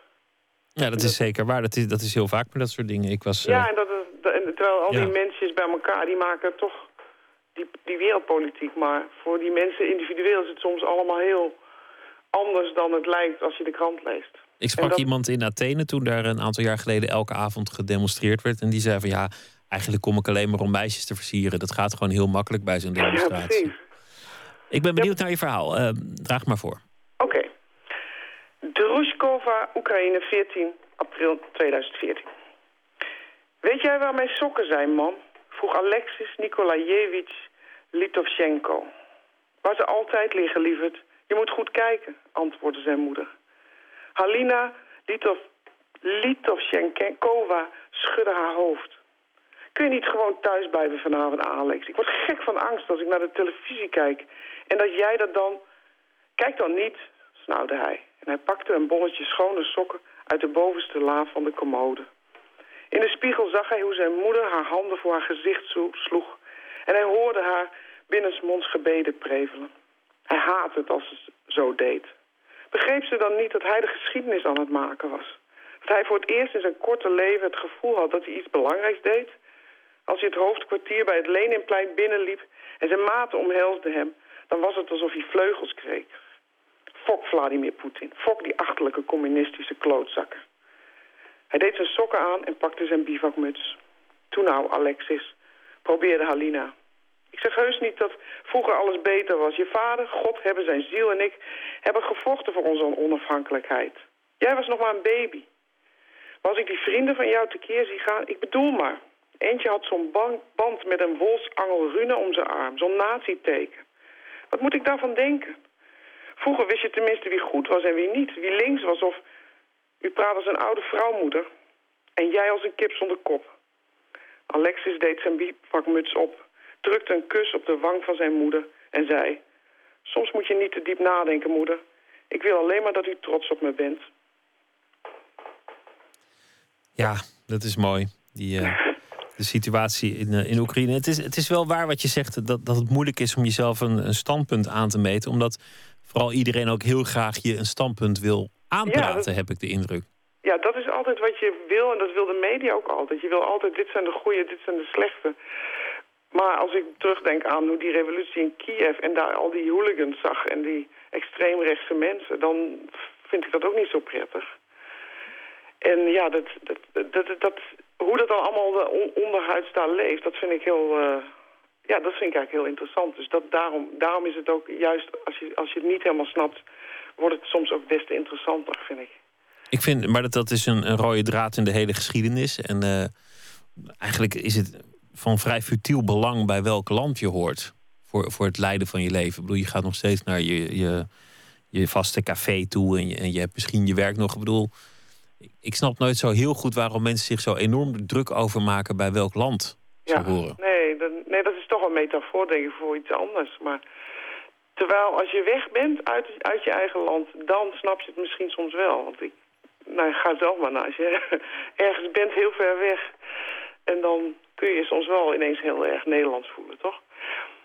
ja, ja oké, maar of, of, dat, of je dat met instituties, ik bedoel, ik vind landen... Ja, oké, je moet natuurlijk een soort patriot en vaderlandslievend zijn en zo, maar ik vind dat toch meer iets van de, oh, ja, nee, nee, nee, absoluut van de bureaucraten, toch, het land? Ja, nee, absoluut. Eh, ik, ik denk, ik zeg ook altijd, eh, ik wou dat ik zes paspoorten had. Daar ben ik ook heel erg voor, dat je mensen veel paspoorten geeft in plaats van zo weinig mogelijk.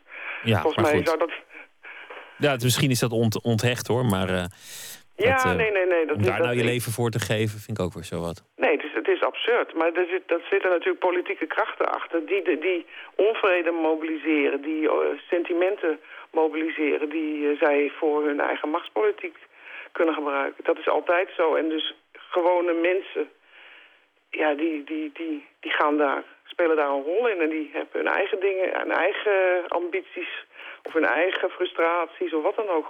En worden misleid door uh, krachten die ze niet ja, begrijpen. Ja, of ze doen het doelbewust aan mee of wat dan ook. Maar dit, dit is een heel complex uh, iets Gebeuren. wat er aan de gang ja. is. En daarom is het interessant om, te, om juist, tenminste dat vind ik altijd, dat je vanuit het meest intieme...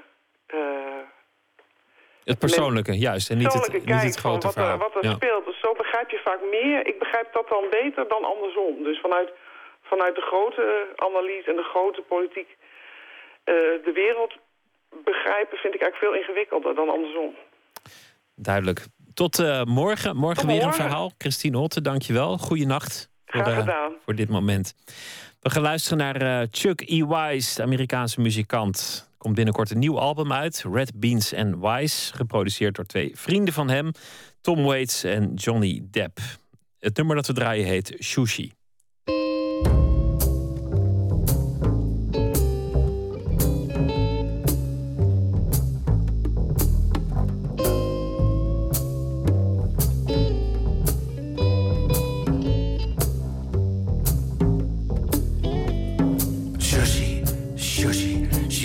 For pan. Shushy, shushy, she's sleeping in the grass. Shushy, shushy, cause this is all she had.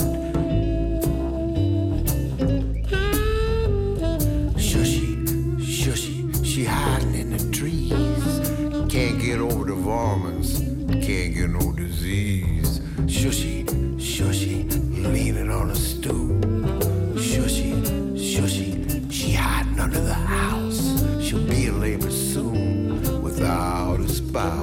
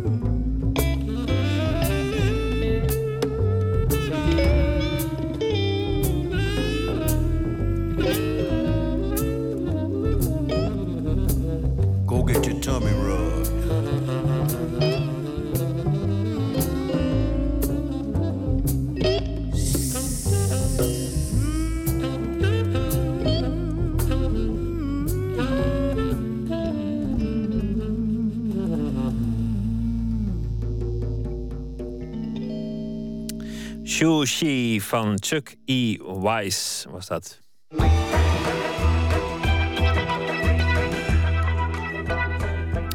U luistert naar Radio 1, de VPRO, Nooit meer slapen. De Ronde van Vlaanderen, Parijs-Roubaix. Het wielerseizoen is kortom weer begonnen.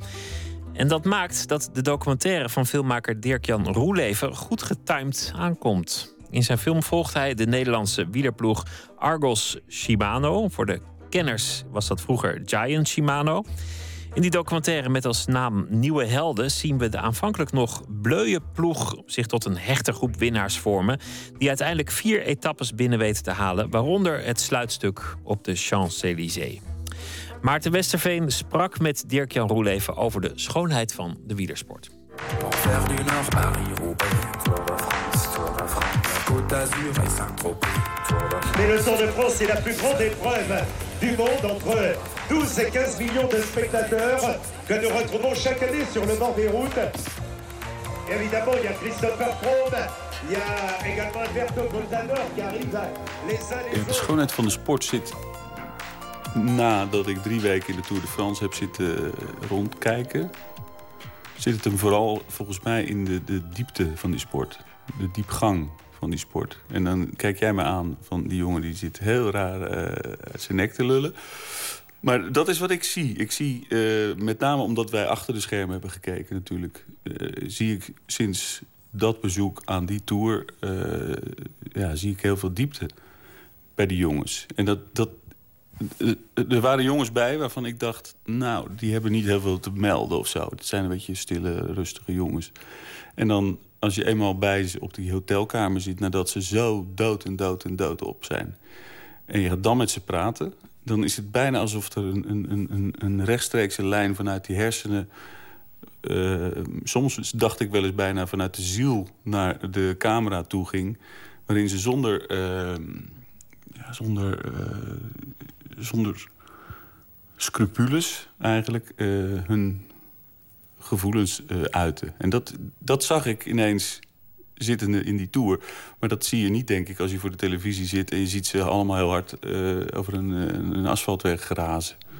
Het, uh, het, het, is wat, uh, het, is wat vies. het is wat vies om te zeggen, maar heel veel... Heel veel van die gezichten die je filmt inderdaad na de, na de races... die hebben iets... Um, die hebben iets postorgastisch. Die, die, de, het bloed is, begint langzaam terug te kruipen. Ze zijn wat moe, ze kijken wat klein beetje scheel ook van die, van die inspanning. Uh, het, is bijna, het is bijna te intiem om ze op dat moment te zien. Ja, daar kan ik me wel iets bij voorstellen. Dat vond ik ook soms wel, ja. En tegelijkertijd is dat nou net de schoonheid, denk ik. Dat je dat kan uh, zien, dat je dat kan uh, registreren met de camera.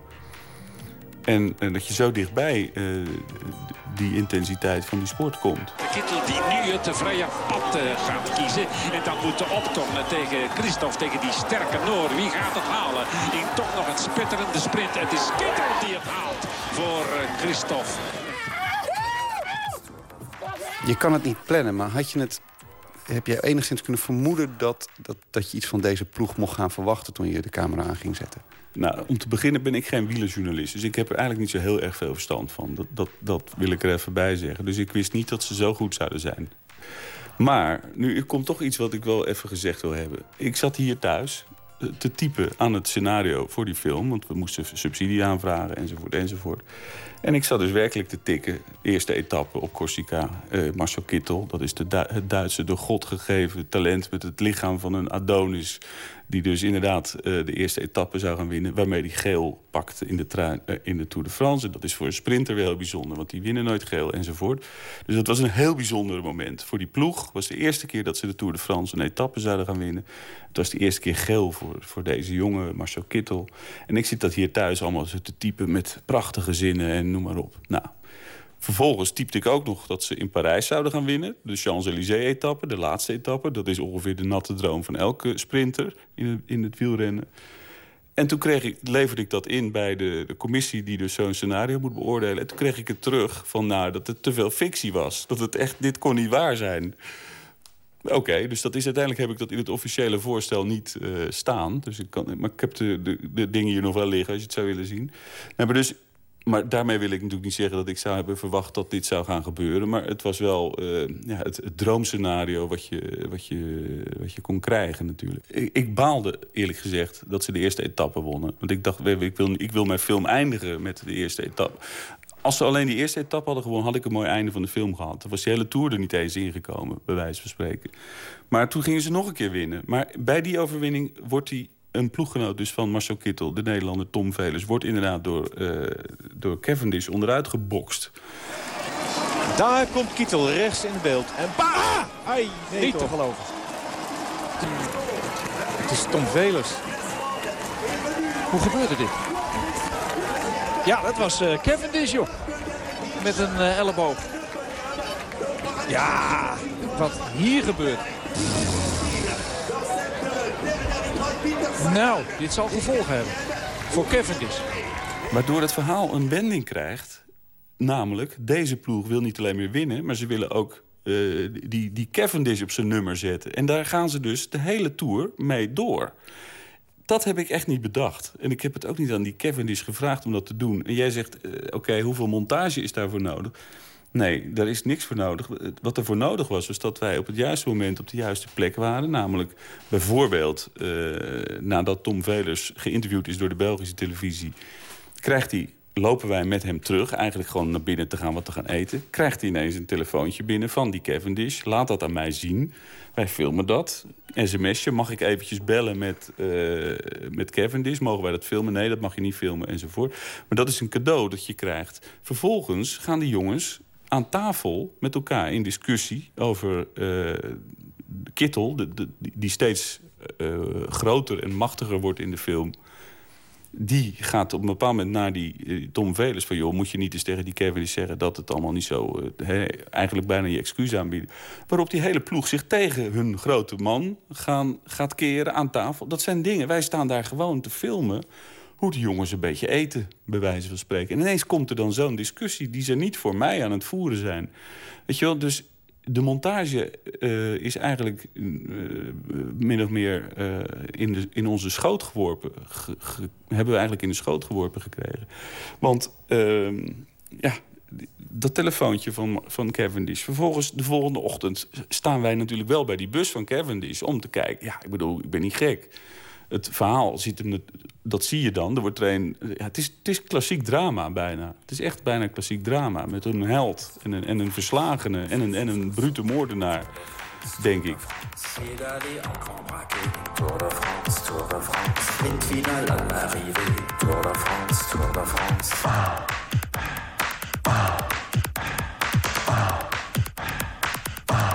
Ikzelf en Hine Brouwer, wij samen hebben die montage heel erg veel zitten praten over... eh, waar, gaan, waar, gaat het eigenlijk nou over? Het gaat eigenlijk ook namelijk volgens mij heel erg over leiderschap. En over eh, teambuilding en, en dat soort dingen. Meer nog dan over sport. En het gaat ook over eh, macht, heel erg, vind ik. Het gaat over de macht van de sterkste. Het gaat over de macht van Marcel Kittel. Die op een bepaald moment eh, uit die schuchtere rol van de eerste etappe... jongens, als ik wat win, delen we de prijs. Maar op een bepaald moment zitten die jongens al... Ja, dat is de derde Rolex die we verdiend hebben. Dat wordt dus een running gag in de film. Maar het gaat natuurlijk ook... Je ziet die Kittel, die, die, die, die, die, Uber... Dat mag ik niet zeggen, Ubermensch, maar dat, dat, dat is het niet. Maar je ziet hem wel steeds groter en zelfverzekerder worden... en, en eh, krachtiger worden in zijn hele eh, gedrag een film die gaat over menselijk gedrag. Meer dan over eh, sport en, en wielrennen. Snap je die Kittel nou beter? Nee, juist niet. Ik dacht dat ik hem begreep. Echt, ik dacht dat ik hem kende aan het begin. En gaandeweg raakte ik hem een beetje kwijt, eerlijk gezegd. En Hij werd te veel een legende op dat moment. ja, misschien wel. Hij was ook de enige die, die op een bepaald moment bij de hele groep... eh, dat merkte ik aan hem. Dat, ik merkte aan mezelf dat hij de enige was bij wie ik gaandeweg meer moeite had om ehm, bij hem te komen. Letterlijk ook. Weet je? Dat hij, en dat is logisch, want hij stond elke dag in alle kranten. En iedereen stond bij hem een handtekening. Dus, en alle media, en al die iedereen. Dan zie je eigenlijk in, in, in een eh, notendop, in een, als een soort snelkookpan... zie je wat er gebeurt als iemand heel, heel snel heel beroemd wordt. Want, dat, wa- want voor de tour was hij het grote publiek onbekend. Redelijk onbekend. Na de Tour, vier etappes winnen in de Tour de France... is, is, is gegeven. Zeker, eh, het was zijn, bijna zoals een debuut. Want hij had één keer eerder meegedaan en dat, eh, dat liep toen slecht af. Dus werd hij ziek. Maar dit was bijna zijn debuut. En eh, werd zo beroemd in die korte tijd... Dat, ja, dan, dan veranderen mensen. Dat iedereen die op de televisie komt, die, die zie je veranderen. Eh, iedereen die bero- ja, beroemd wordt, gaat zijn gedrag veranderen. En dat zag je daar ook gebeuren. Maar wat gebeurt er nou met zo'n jongen dan? Wat, wat is het dan dat, die, dat al die aandacht zo'n man transformeert? Of zo'n zo'n jongetje transformeert tot een man? Nou, hij gaat zich afsluiten. eh, letterlijk. Hij, eh, er komt zoveel op zo'n man af. En, en, en ook zoveel wat je positieve energie zou mogen noemen. Maar dat wordt, te veel positieve energie wordt volgens mij weer negatieve energie. Dus eh, er gaat zoveel uh, gebeurd met zo'n mens. Zo'n jonge, jonge man, hij is 25 hè. Dat hij zich gaat afsluiten, dat, dat is wat ik zie. En hij, hij sluit zich steeds meer op in zijn mobiele telefoontje. En in zijn hotelkamer. En, uh, ja, en moet namelijk, want hij moet tot Parijs moet hij, heel blijven. Maar je ziet hem steeds ja, toch botter worden door de omstandigheden gedwongen, denk ik. En omdat hij moet, hij moet uiteindelijk toch weer in Parijs die, die, die, die, die vijand verslaan... met de hulp van zijn troepen. Und alle wollen dabei sein. Hm. Und dem anderen Schmerzen zufügen. Get paid to hurt other people. Ja, wir werden bezahlt, um anderen weh zu tun. Wir sind eigentlich sowas wie Söldner, like a Fremdenlegion. Wir kriegen dafür Geld. de zelfreflectie en, en de, de, de filosofie bijna... die die jongens hier uh, met elkaar zitten door te nemen... Dat vond ik zo mooi. En ze deelden dat dan met, met ons, met de, met de cameraploeg. En eh, het is net, eh, ze beginnen met Bob Marley en ze zitten met elkaar te praten van... joh, het zijn toch, eigenlijk zijn we toch gek en we worden betaald om elkaar pijn te doen. Wat, wat zijn we eigenlijk hier aan het doen? Waarom doen we dit? We zijn een soort, soort huurlingen in een vreemdelingenlegioen. Zo'n bespiegeling heb ik nog niet vaak van een wielrenner gehoord. Weet je? Dat vind ik toch zo mooi. Een, een, een documentaire schrijft zichzelf uiteindelijk. En dat is ook het probleem. Dit, dit verhaal heb ik niet bedacht meer. Dit verhaal werd mij aangereikt. Dat klinkt wel heel erg eh, griezelig, maar dat is het wel. Het, het, je, je had, het, het lijkt inderdaad alsof je alleen nog maar op de aanknop hebt hoeven eh, drukken. En het dan uiteindelijk, want het is ook zo. Eerste etappe win en die slotetappe, dramatisch allemaal. Het is, eh, het is prachtig. Ja. Valpartij tussendoor. Wraak nemen, wraak krijgen, huilen, bloed. Ja, wat wil je nou nog meer eigenlijk? Maar vond jij, het nou, heb jij nou het wielrennen een beetje eh, beter leren kennen op deze manier? Helemaal niet. Eh, maar ik heb ze wel... eh, ik, ik, ik, vo- eh, ik zag nu opeens wel... Je ziet ook altijd... Een nadeel is ook altijd die zonnebrillen van ze. hè. Dat is, Ja. Die gezichten, daar wordt blijft weinig van over... als ze eenmaal op die fiets zitten. Ehm, en al een duursport doet sowieso zelden iets moois met een, eh, met een gezicht. Maar ik vind ze nu... Ik vond het... ehm, ik vond ze zo ontzettend lief. Ik kan niet... Ik, het, dat, dat hebben zij eh, natuurlijk... zou ze gruwelijk vinden om te horen. Maar ik vond ze zo lief. Maar dat hoor ik ook. Ik heb nogmaals, ik ben geen wielerjournalist. Ik ken dat hele peloton niet. Maar dat hoor ik ook van andere eh, mensen die er wel verstand van hebben. Die wel in dat wielrennen jaar in jaar uit ronddraaien. Die zeggen, dit is een heel atypische ploeg. Dit, is een, dit zijn inderdaad lieve, leuke, lieve jongens. Met allemaal redelijk goed verstand. En, ze zien er ook nog eens goed uit. Bijna mooi. Victoire de Kittel devant Greppel, Cavendish est troisième. C'est la quatrième victoire pour celui qui est le meilleur sprinter de ce Tour de France. Le coureur allemand Marcel Kittel, impressionnant, plein cadre aujourd'hui, qui résiste à sa droite au retour de Marc Cavendish, à sa gauche d'André Greppel, Peter Sagan. Et quatrième, Alexandre. Maarten Westerveen sprak Dirk-Jan Roeleven over de wielersport. En de documentaire is te zien in de bioscoop en wordt op donderdag 3 juli aanstaande op de televisie uitgezonden. We gaan luisteren naar muziek van het Belgische kwartet Amatorski, actief sinds 2008. En in 2010 introduceerde hun melancholische en dromige geluid zich met het debuutalbum Same Stars We Shared. Nu is er een nieuw album. De titel daarvan is Clay to Figures. Het nummer dat wij draaien heet Hudson.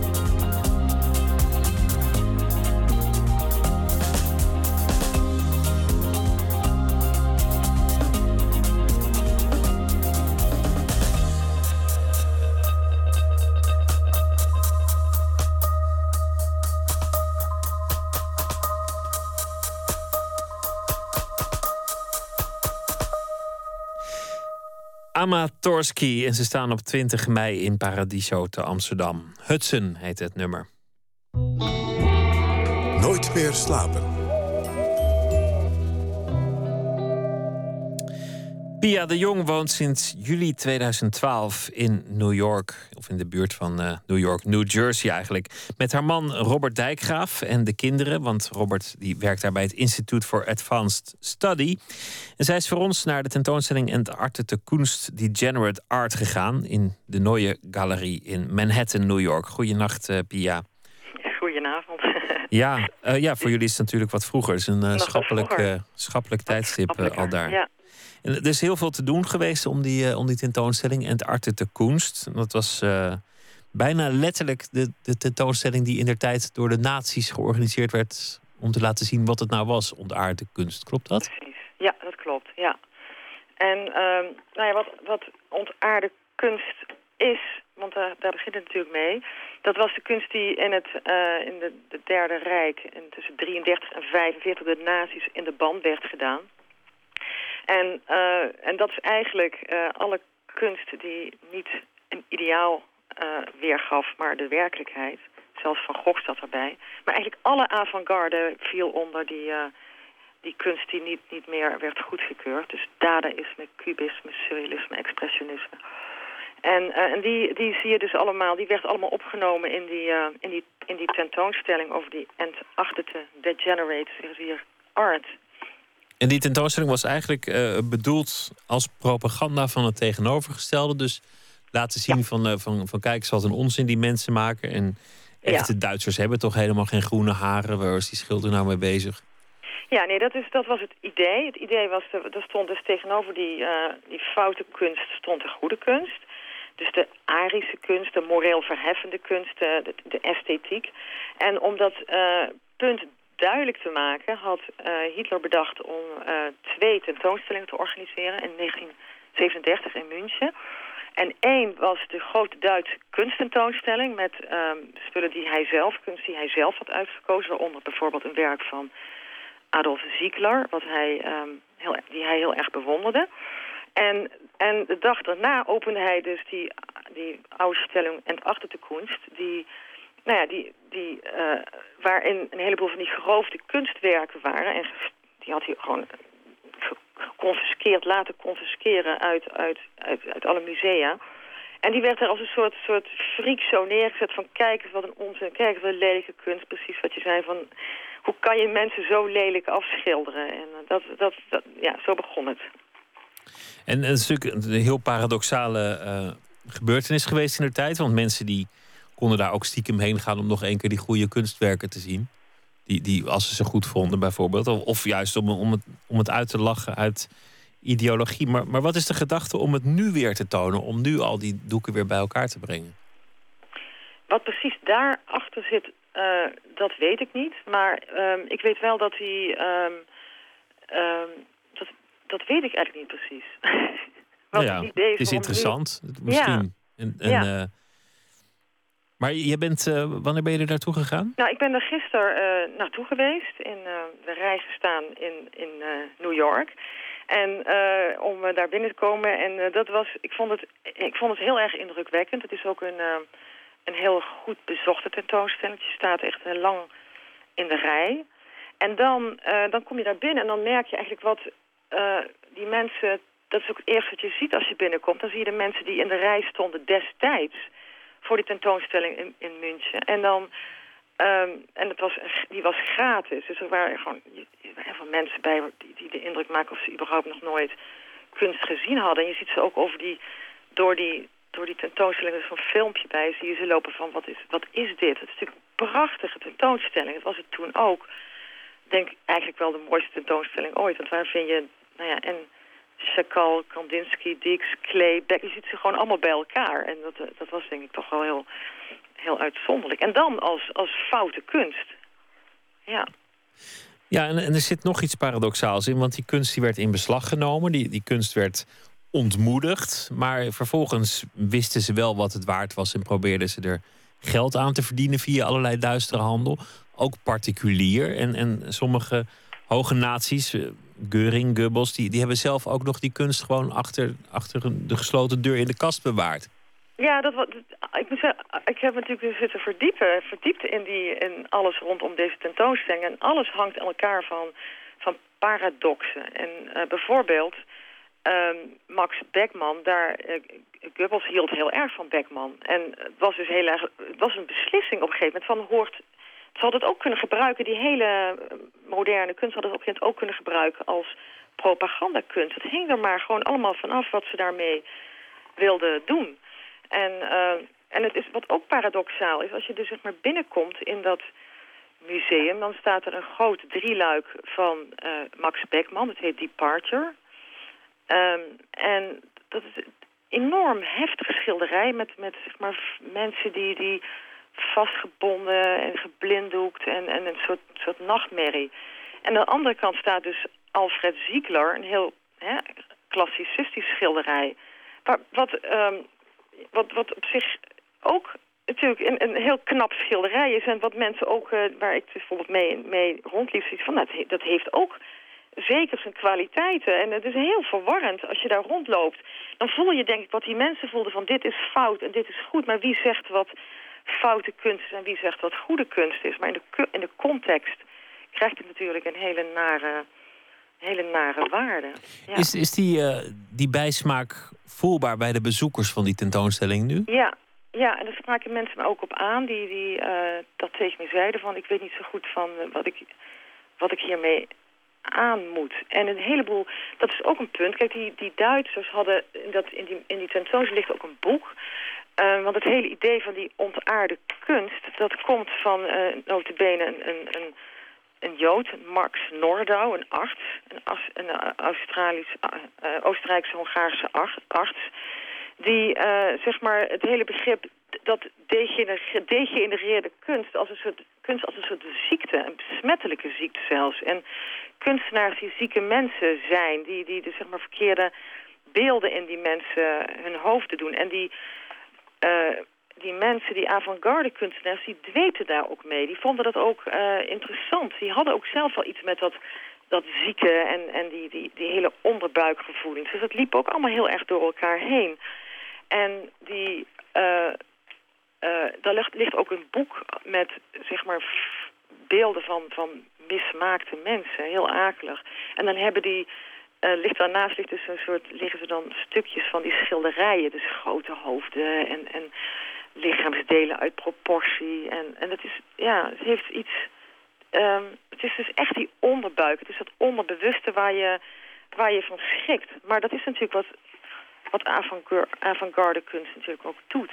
En wat natuurlijk ook heel erg raakt aan het, het raszuiverheidsideaal van, van de nazi's. Ja. Maar ook de, de angst, van, misschien vanwege de, de vele verminkten van de Eerste Wereldoorlog... die, ja. die over straat liepen ja, voor, voor dat verminkte.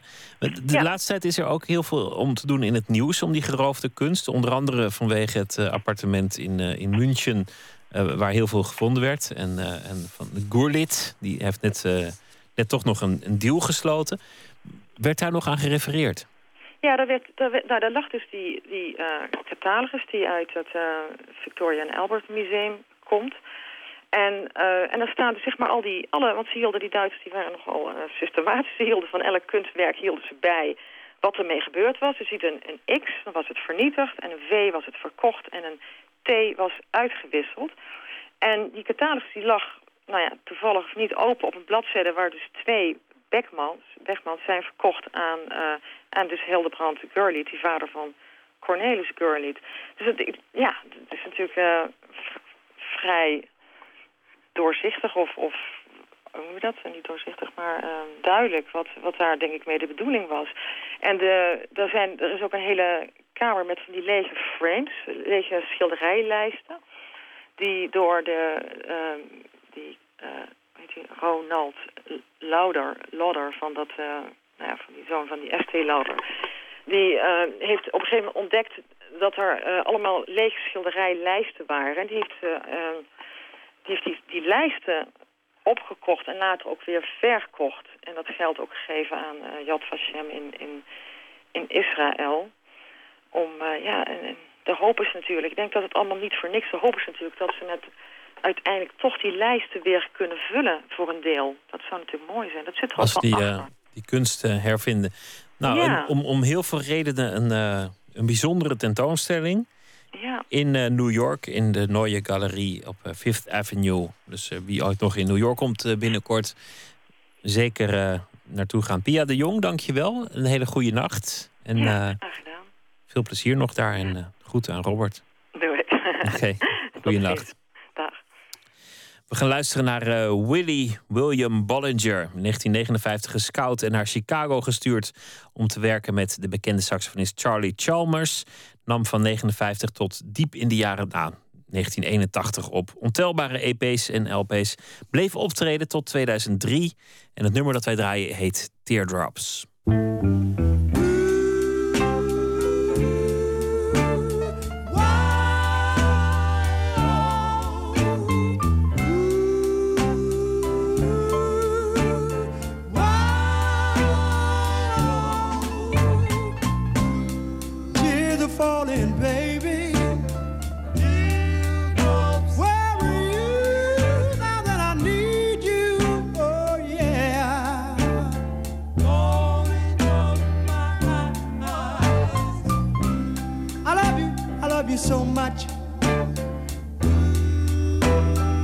could not.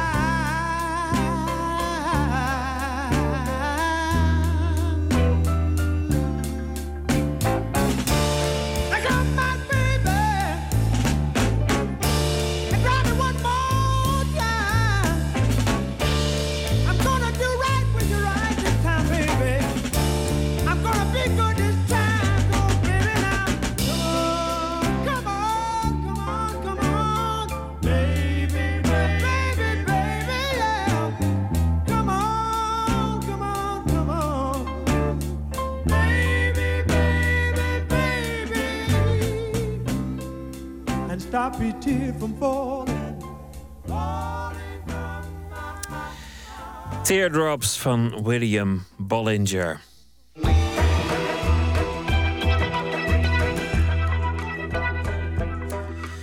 U luistert naar de VPRO op Radio 1. Afgelopen weekend ging in Amsterdam een nieuwe voorstelling van de nieuwkomers van Orkater in première. In de grote zaal van de stad Schouwburg. En dat is opmerkelijk, want de jonge garde muziektheatermakers speelt meestal in wat kleinere zalen. Maar de directeur van Orkater, Mark van Wammerdam, is persoonlijk bij de theaters langsgegaan om deze voorstelling te verkopen. En dat is dus gelukt. Op de bodem is een voorstelling met harde muziek, veel bloed en mensen die elkaar de verschrikkelijkste dingen aandoen. Botte Jellema ging naar de try-out en sprak al daar met regisseur Michiel de Recht en acteurs Erik van der Horst en Sanne van der Brugge. Ze hebben het stuk gebaseerd op Nachtasiel van Maxime Gorky, maar dan met een soort punkjasje. Zet u schrap.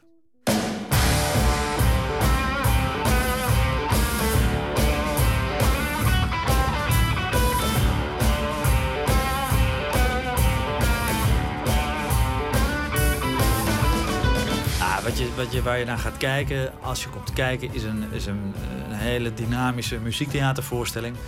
In de grote zaal met heel veel jong talent.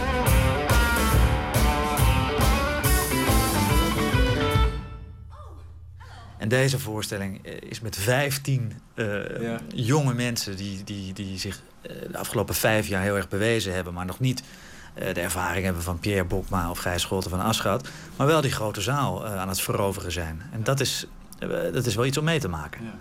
Eh, Erik, jij bent zo, zo iemand. Jij bent een van de sadists. Al, eh, al een behoorlijke tijd aan de weg aan het timmeren. Wanneer, wanneer ben je begonnen bij Orkater? Eh, dat is onderhand zeven jaar geleden. Ja. ja. Ja, dus ja, nieuwkomer kan je je al niet meer noemen, eh, geloof ik. Nee. Maar, maar een grote zaal, hoe, hoe toegankelijk zijn die, is, is dat voor jou als jonge acteur? Eh, nou, eh, wat ik fijn vind, Mark, die, Mark van Warmerdam, de directeur van Okade, die zegt van we moeten niet zo'n probleem maken van, eh, van de gang naar de grote zaal. Alsof dat een enorme stap is, alsof dat verschrikkelijk moeilijk is. Kijk, het brengt hele andere eh, aandachtspunten met zich mee. Je moet op andere dingen letten, je moet op een andere manier repeteren. Maar het, het voelt ja, heel lekker. Het voelt heel natuurlijk om hier met z'n allen met zo'n grote groep te staan. En het geluid hebben we en de, de kwaliteit hebben we ook. Dus het is heel lekker om hier te mogen staan.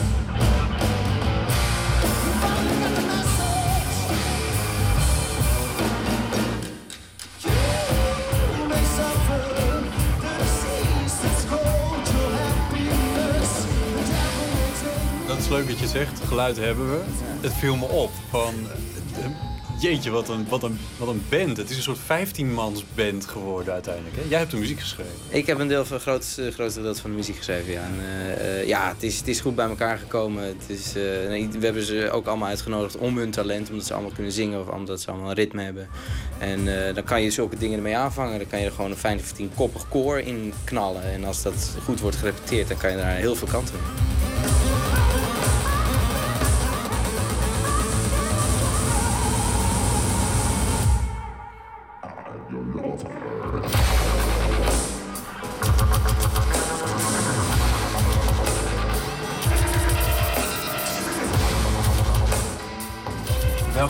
Muziekstijl zit er niet in? Ah, ja, nou, weinig zit er niet in. Ik zou, ik, ja, nou, iedereen, eh, ik weet het niet eigenlijk. Nee, nee, er zit van- meer wel in dan Van niet. dubstep tot, tot jazz. Tot en- ska, tot Chinees, tot ja, van alles. Russische, Russische koorzang. Ja, absoluut. Zweedse koorzang. Zweedse koorzang, ja. I don't want to fall asleep. No, I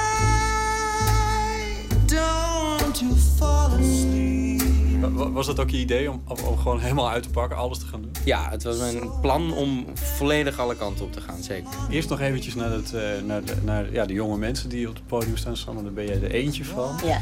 Eh, hoeveel voorstellingen heb je bij elkaar gespeeld nu? Ehm, dat is de eerste. De eerste, Ja, ja. Ik- hoe is het om deze voorstelling te spelen? Dat is een beetje een algemene vraag, maar... Ja, het is sowieso echt een, een, ik vind het een fucking grote kans om, en het voelt super stoer om met allemaal super jonge mensen, met een heel jong team. Dat voelt het ook. Het is ook echt een jong, een jong team. Niet alleen jonge spelers, maar gewoon iedereen. En je voelt dat het een soort van, van eh, jong geweld die zaal gaat bestormen of zo. En ik vind dat een keis gewoon een kans dat we dat eens mogen doen met z'n allen. Zonder dat daar allemaal nog dingen rondomheen moeten gebeuren. Dat je jezelf moet bewijzen naar, naar, naar een gezelschap of naar weet ik veel waar. Dat je zegt van... Om jou- jonge acteurs pre- bedoel ik nu. Om dan nog eerst nog heel veel te zeggen van nog heel veel ervaring op te doen. Dat ze nog gaan twijfelen zijn of zo. Maar dat Mark nu gewoon zegt... Oké jongens, doe het maar. Hoppa. En ik vind dat zalig. En de energie die dat met zich meebrengt. En de samenhorigheid of zo. Ik vind dat echt iets... Dat zoveel... Ja, ik vind dat een, een keigoed gevoel eigenlijk. Ja, het, het is echt een kans die je... die Ja, je krijgt. vind ik wel, ja. Meer dan je bij een ander gezelschap zou kunnen krijgen. Ja, nou ja, ja, ik vind het toch gewoon een goede kans tegen. Ja, dat denk ik wel, zeker wel. Dit concept wel, ja. Dit concept wel, ja. Dat is allemaal dankzij Mark, denk ik ook, die daar eh, gewoon voor gevochten heeft. Ja. Want hij heeft ook elke schouwburg afgegaan om te gaan zeggen van, eh, je moet dat doen. Ja. ja, dat is een aardig lijstje geworden, geloof ik, hè, uiteindelijk. Hij heeft eh 32 schouwburgen. eh, Ja, ja. Ik geloof dat hij er 34 bezocht heeft en 32 heeft hij ze verkocht. Hij is samen met Nicolien Luttel, zijn zakelijk leidster, met de trein het hele land doorgegaan. En per directeur twee uur gesproken over waarom dit juist zo interessant is. En, eh, en dat is gelukt. We hebben een prachtige tournee. Er is in deze wereld een chronisch gebrek aan stilte. Misschien moeten we dat maar eens herkennen. Dat we er helemaal gek van worden met z'n allen. Of ik in ieder geval.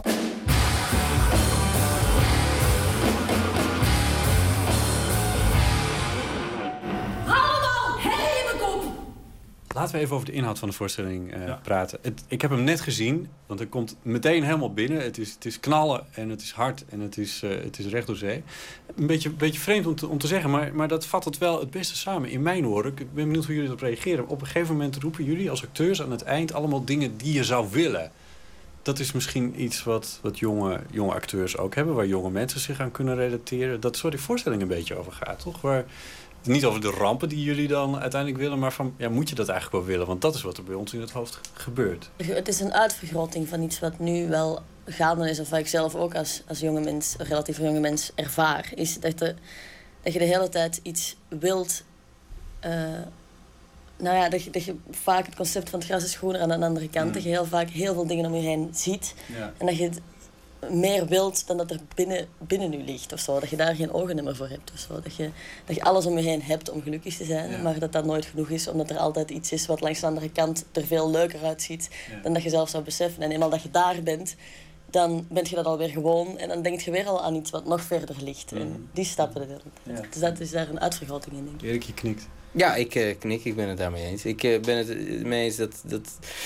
Ik heb het zelf ook, dat als je eenmaal het ene hebt bereikt... dat je denkt van ja, maar ja, ja nu door.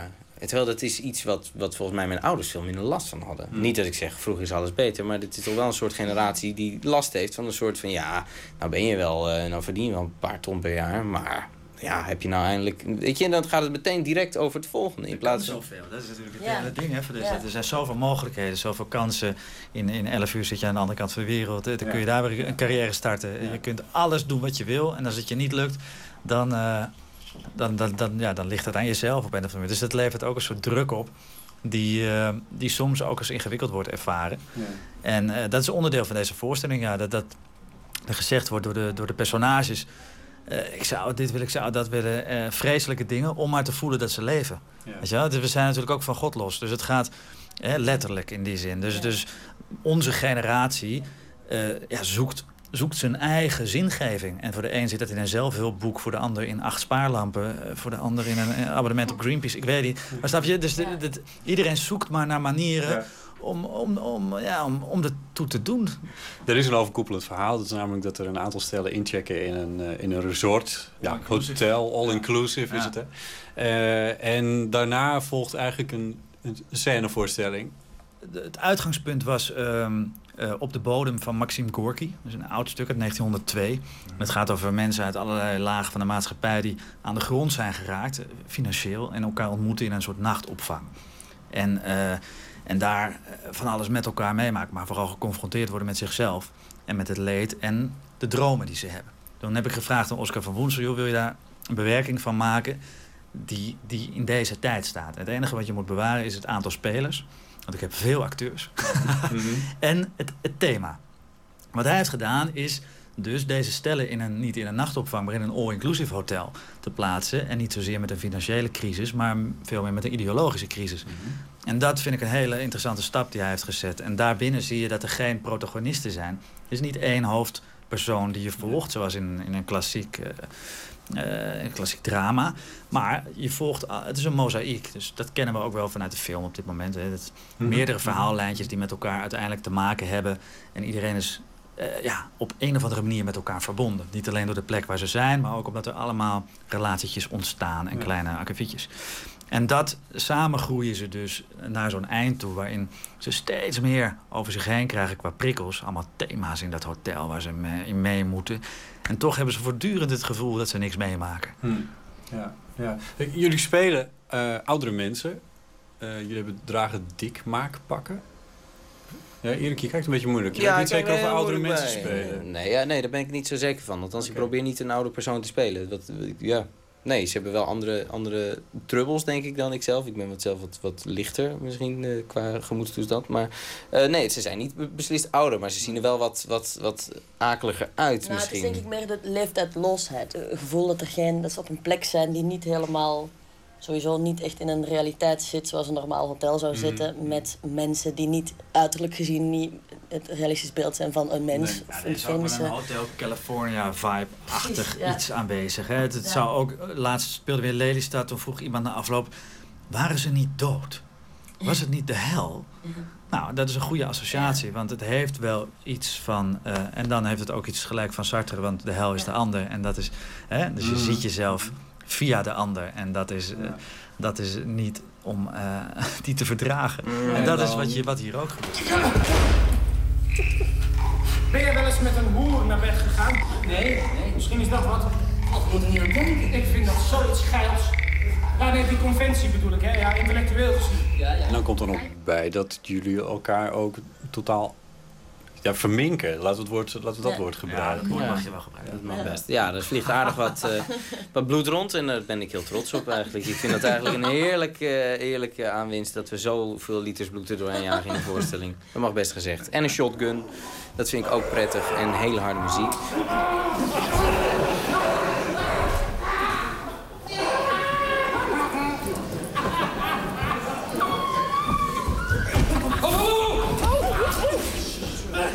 Wat, wat ik leuk vind aan die verminkingen, dus wat je ziet is er gebeuren, er wordt iemand helemaal in elkaar geslagen en daarna staat hij gewoon weer op. En met, met een kapot gebloed hoofd. En dan doet hij weer gewoon mee in de volgende scène. Dan schiet iemand zijn hoofd eraf en eh, ook die staat de scène daarna weer gewoon op en dan trekt hij weer een biertje open. En, en dat heeft een, een bepaald soort the- theatraliteit. Dat is natuurlijk een theatrale code. Dat kun je in tv, niet- op tv niet doen of in een serie of op film. Maar in theater wel. En dat is het mooie van dit medium. Dat je, eh, en je pikt dat toch als publiek. En wat je daarmee kunt vertellen is dat, dat, dat je die littekens, je doet iets en dat blijft zichtbaar. Je Ja. blijft voortdurend zichtbaar. Ook al ga je door, er is niks wat, wat, on, eh, hè, wat, wat zomaar uitgewist is. En dat vind ik heel mooi aan deze voorstelling. We weten allemaal hoe het voelt om een geweer vast te houden, omdat we het ons zo vaak ingebeeld hebben. Omdat we het zo vaak gezien hebben. Net zoals je weet hoe het is om in New York te zijn zonder dat je er ooit geweest bent. Voor je televisie heb je die reis al duizend keer gemaakt. Op het podium veel jonge mensen. ehm, maar in de zaal, vanavond was nog gewoon een try-out. Maar in de zaal ook, hè? Ja, eh, Jong eh, publiek. zeker. En ook gemengd. Dat vind ik ook Mhm. tof. Dat, dat je even goed ziet dat er evenveel jonge mensen dan dat er, dan dat er mensen van alle leeftijden Ja. Dat Speelt dat tof. anders?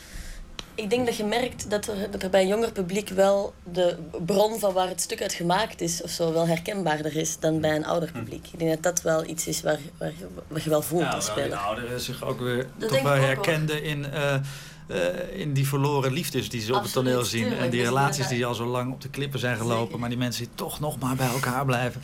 Daar hoorde ik ook wel weer herkenning. Zeker. eh. Je ziet dat ik een geweer in mijn handen heb. En je weet dat er kogels in zitten. Je weet dat die kogels voor jou bedoeld zijn. Nee, nee, nee. Je weet dat je dagen geteld zijn. Maar als je de dood ziet aankomen, dan probeer je je leven te rekken. Nee. Dat is wat jij gaat doen. Nee, nee, nee, nee, nee. Nee, Ik nee, zou wel nee. eens een keer willen raften. Dat heb ik nog nooit gedaan. Wildwaterkano. Of een auto. Een auto-ongeluk. Dat zou ik nog wel eens mee willen maken. Maar echt een ernstig auto-ongeluk. Absoluut. Dus op heel veel lagen is het, is het herkenbaar, denk ik. Dus dat is, dat is tof eraan. Maar je merkt heel erg aan, wel, aan welke dingen dat het herkenbaar is als je het aan het spelen bent. Dus dat je meer de dingen die je zelf herkenbaar vindt op je eigen leeftijd, die krijg je meer van het jonge publiek, dingen terug. En inderdaad, de dingen waar je nog aan toe moet komen. Hopelijk. Ja, ik niet. Lekker vooruitzien. Ik hou van jou. Hou van mij. Of drugs. Iets met drugs. Nou, of zoveel vreten dat je moet worden opgenomen in het ziekenhuis. Liefde. Geef me liefde. Regisseur Michiel de Recht en acteurs Erik van der Horst en Sander van der Brugge van Orkater over het stuk Op de Bodem. En deze voorstelling is vanaf eind mei, of nee, tot eind mei te zien in theaters door het hele land. Nooit beslapen is morgennacht weer te horen op Radio 1. En dan gaan we hebben, met, praten met kunstenaar Jan Rothuizen. Hij eh, wandelt over de hele wereld door steden en noteert wat hij daarbij ziet, denkt en voelt. De Soft Atlas of Amsterdam heeft hij dus gemaakt.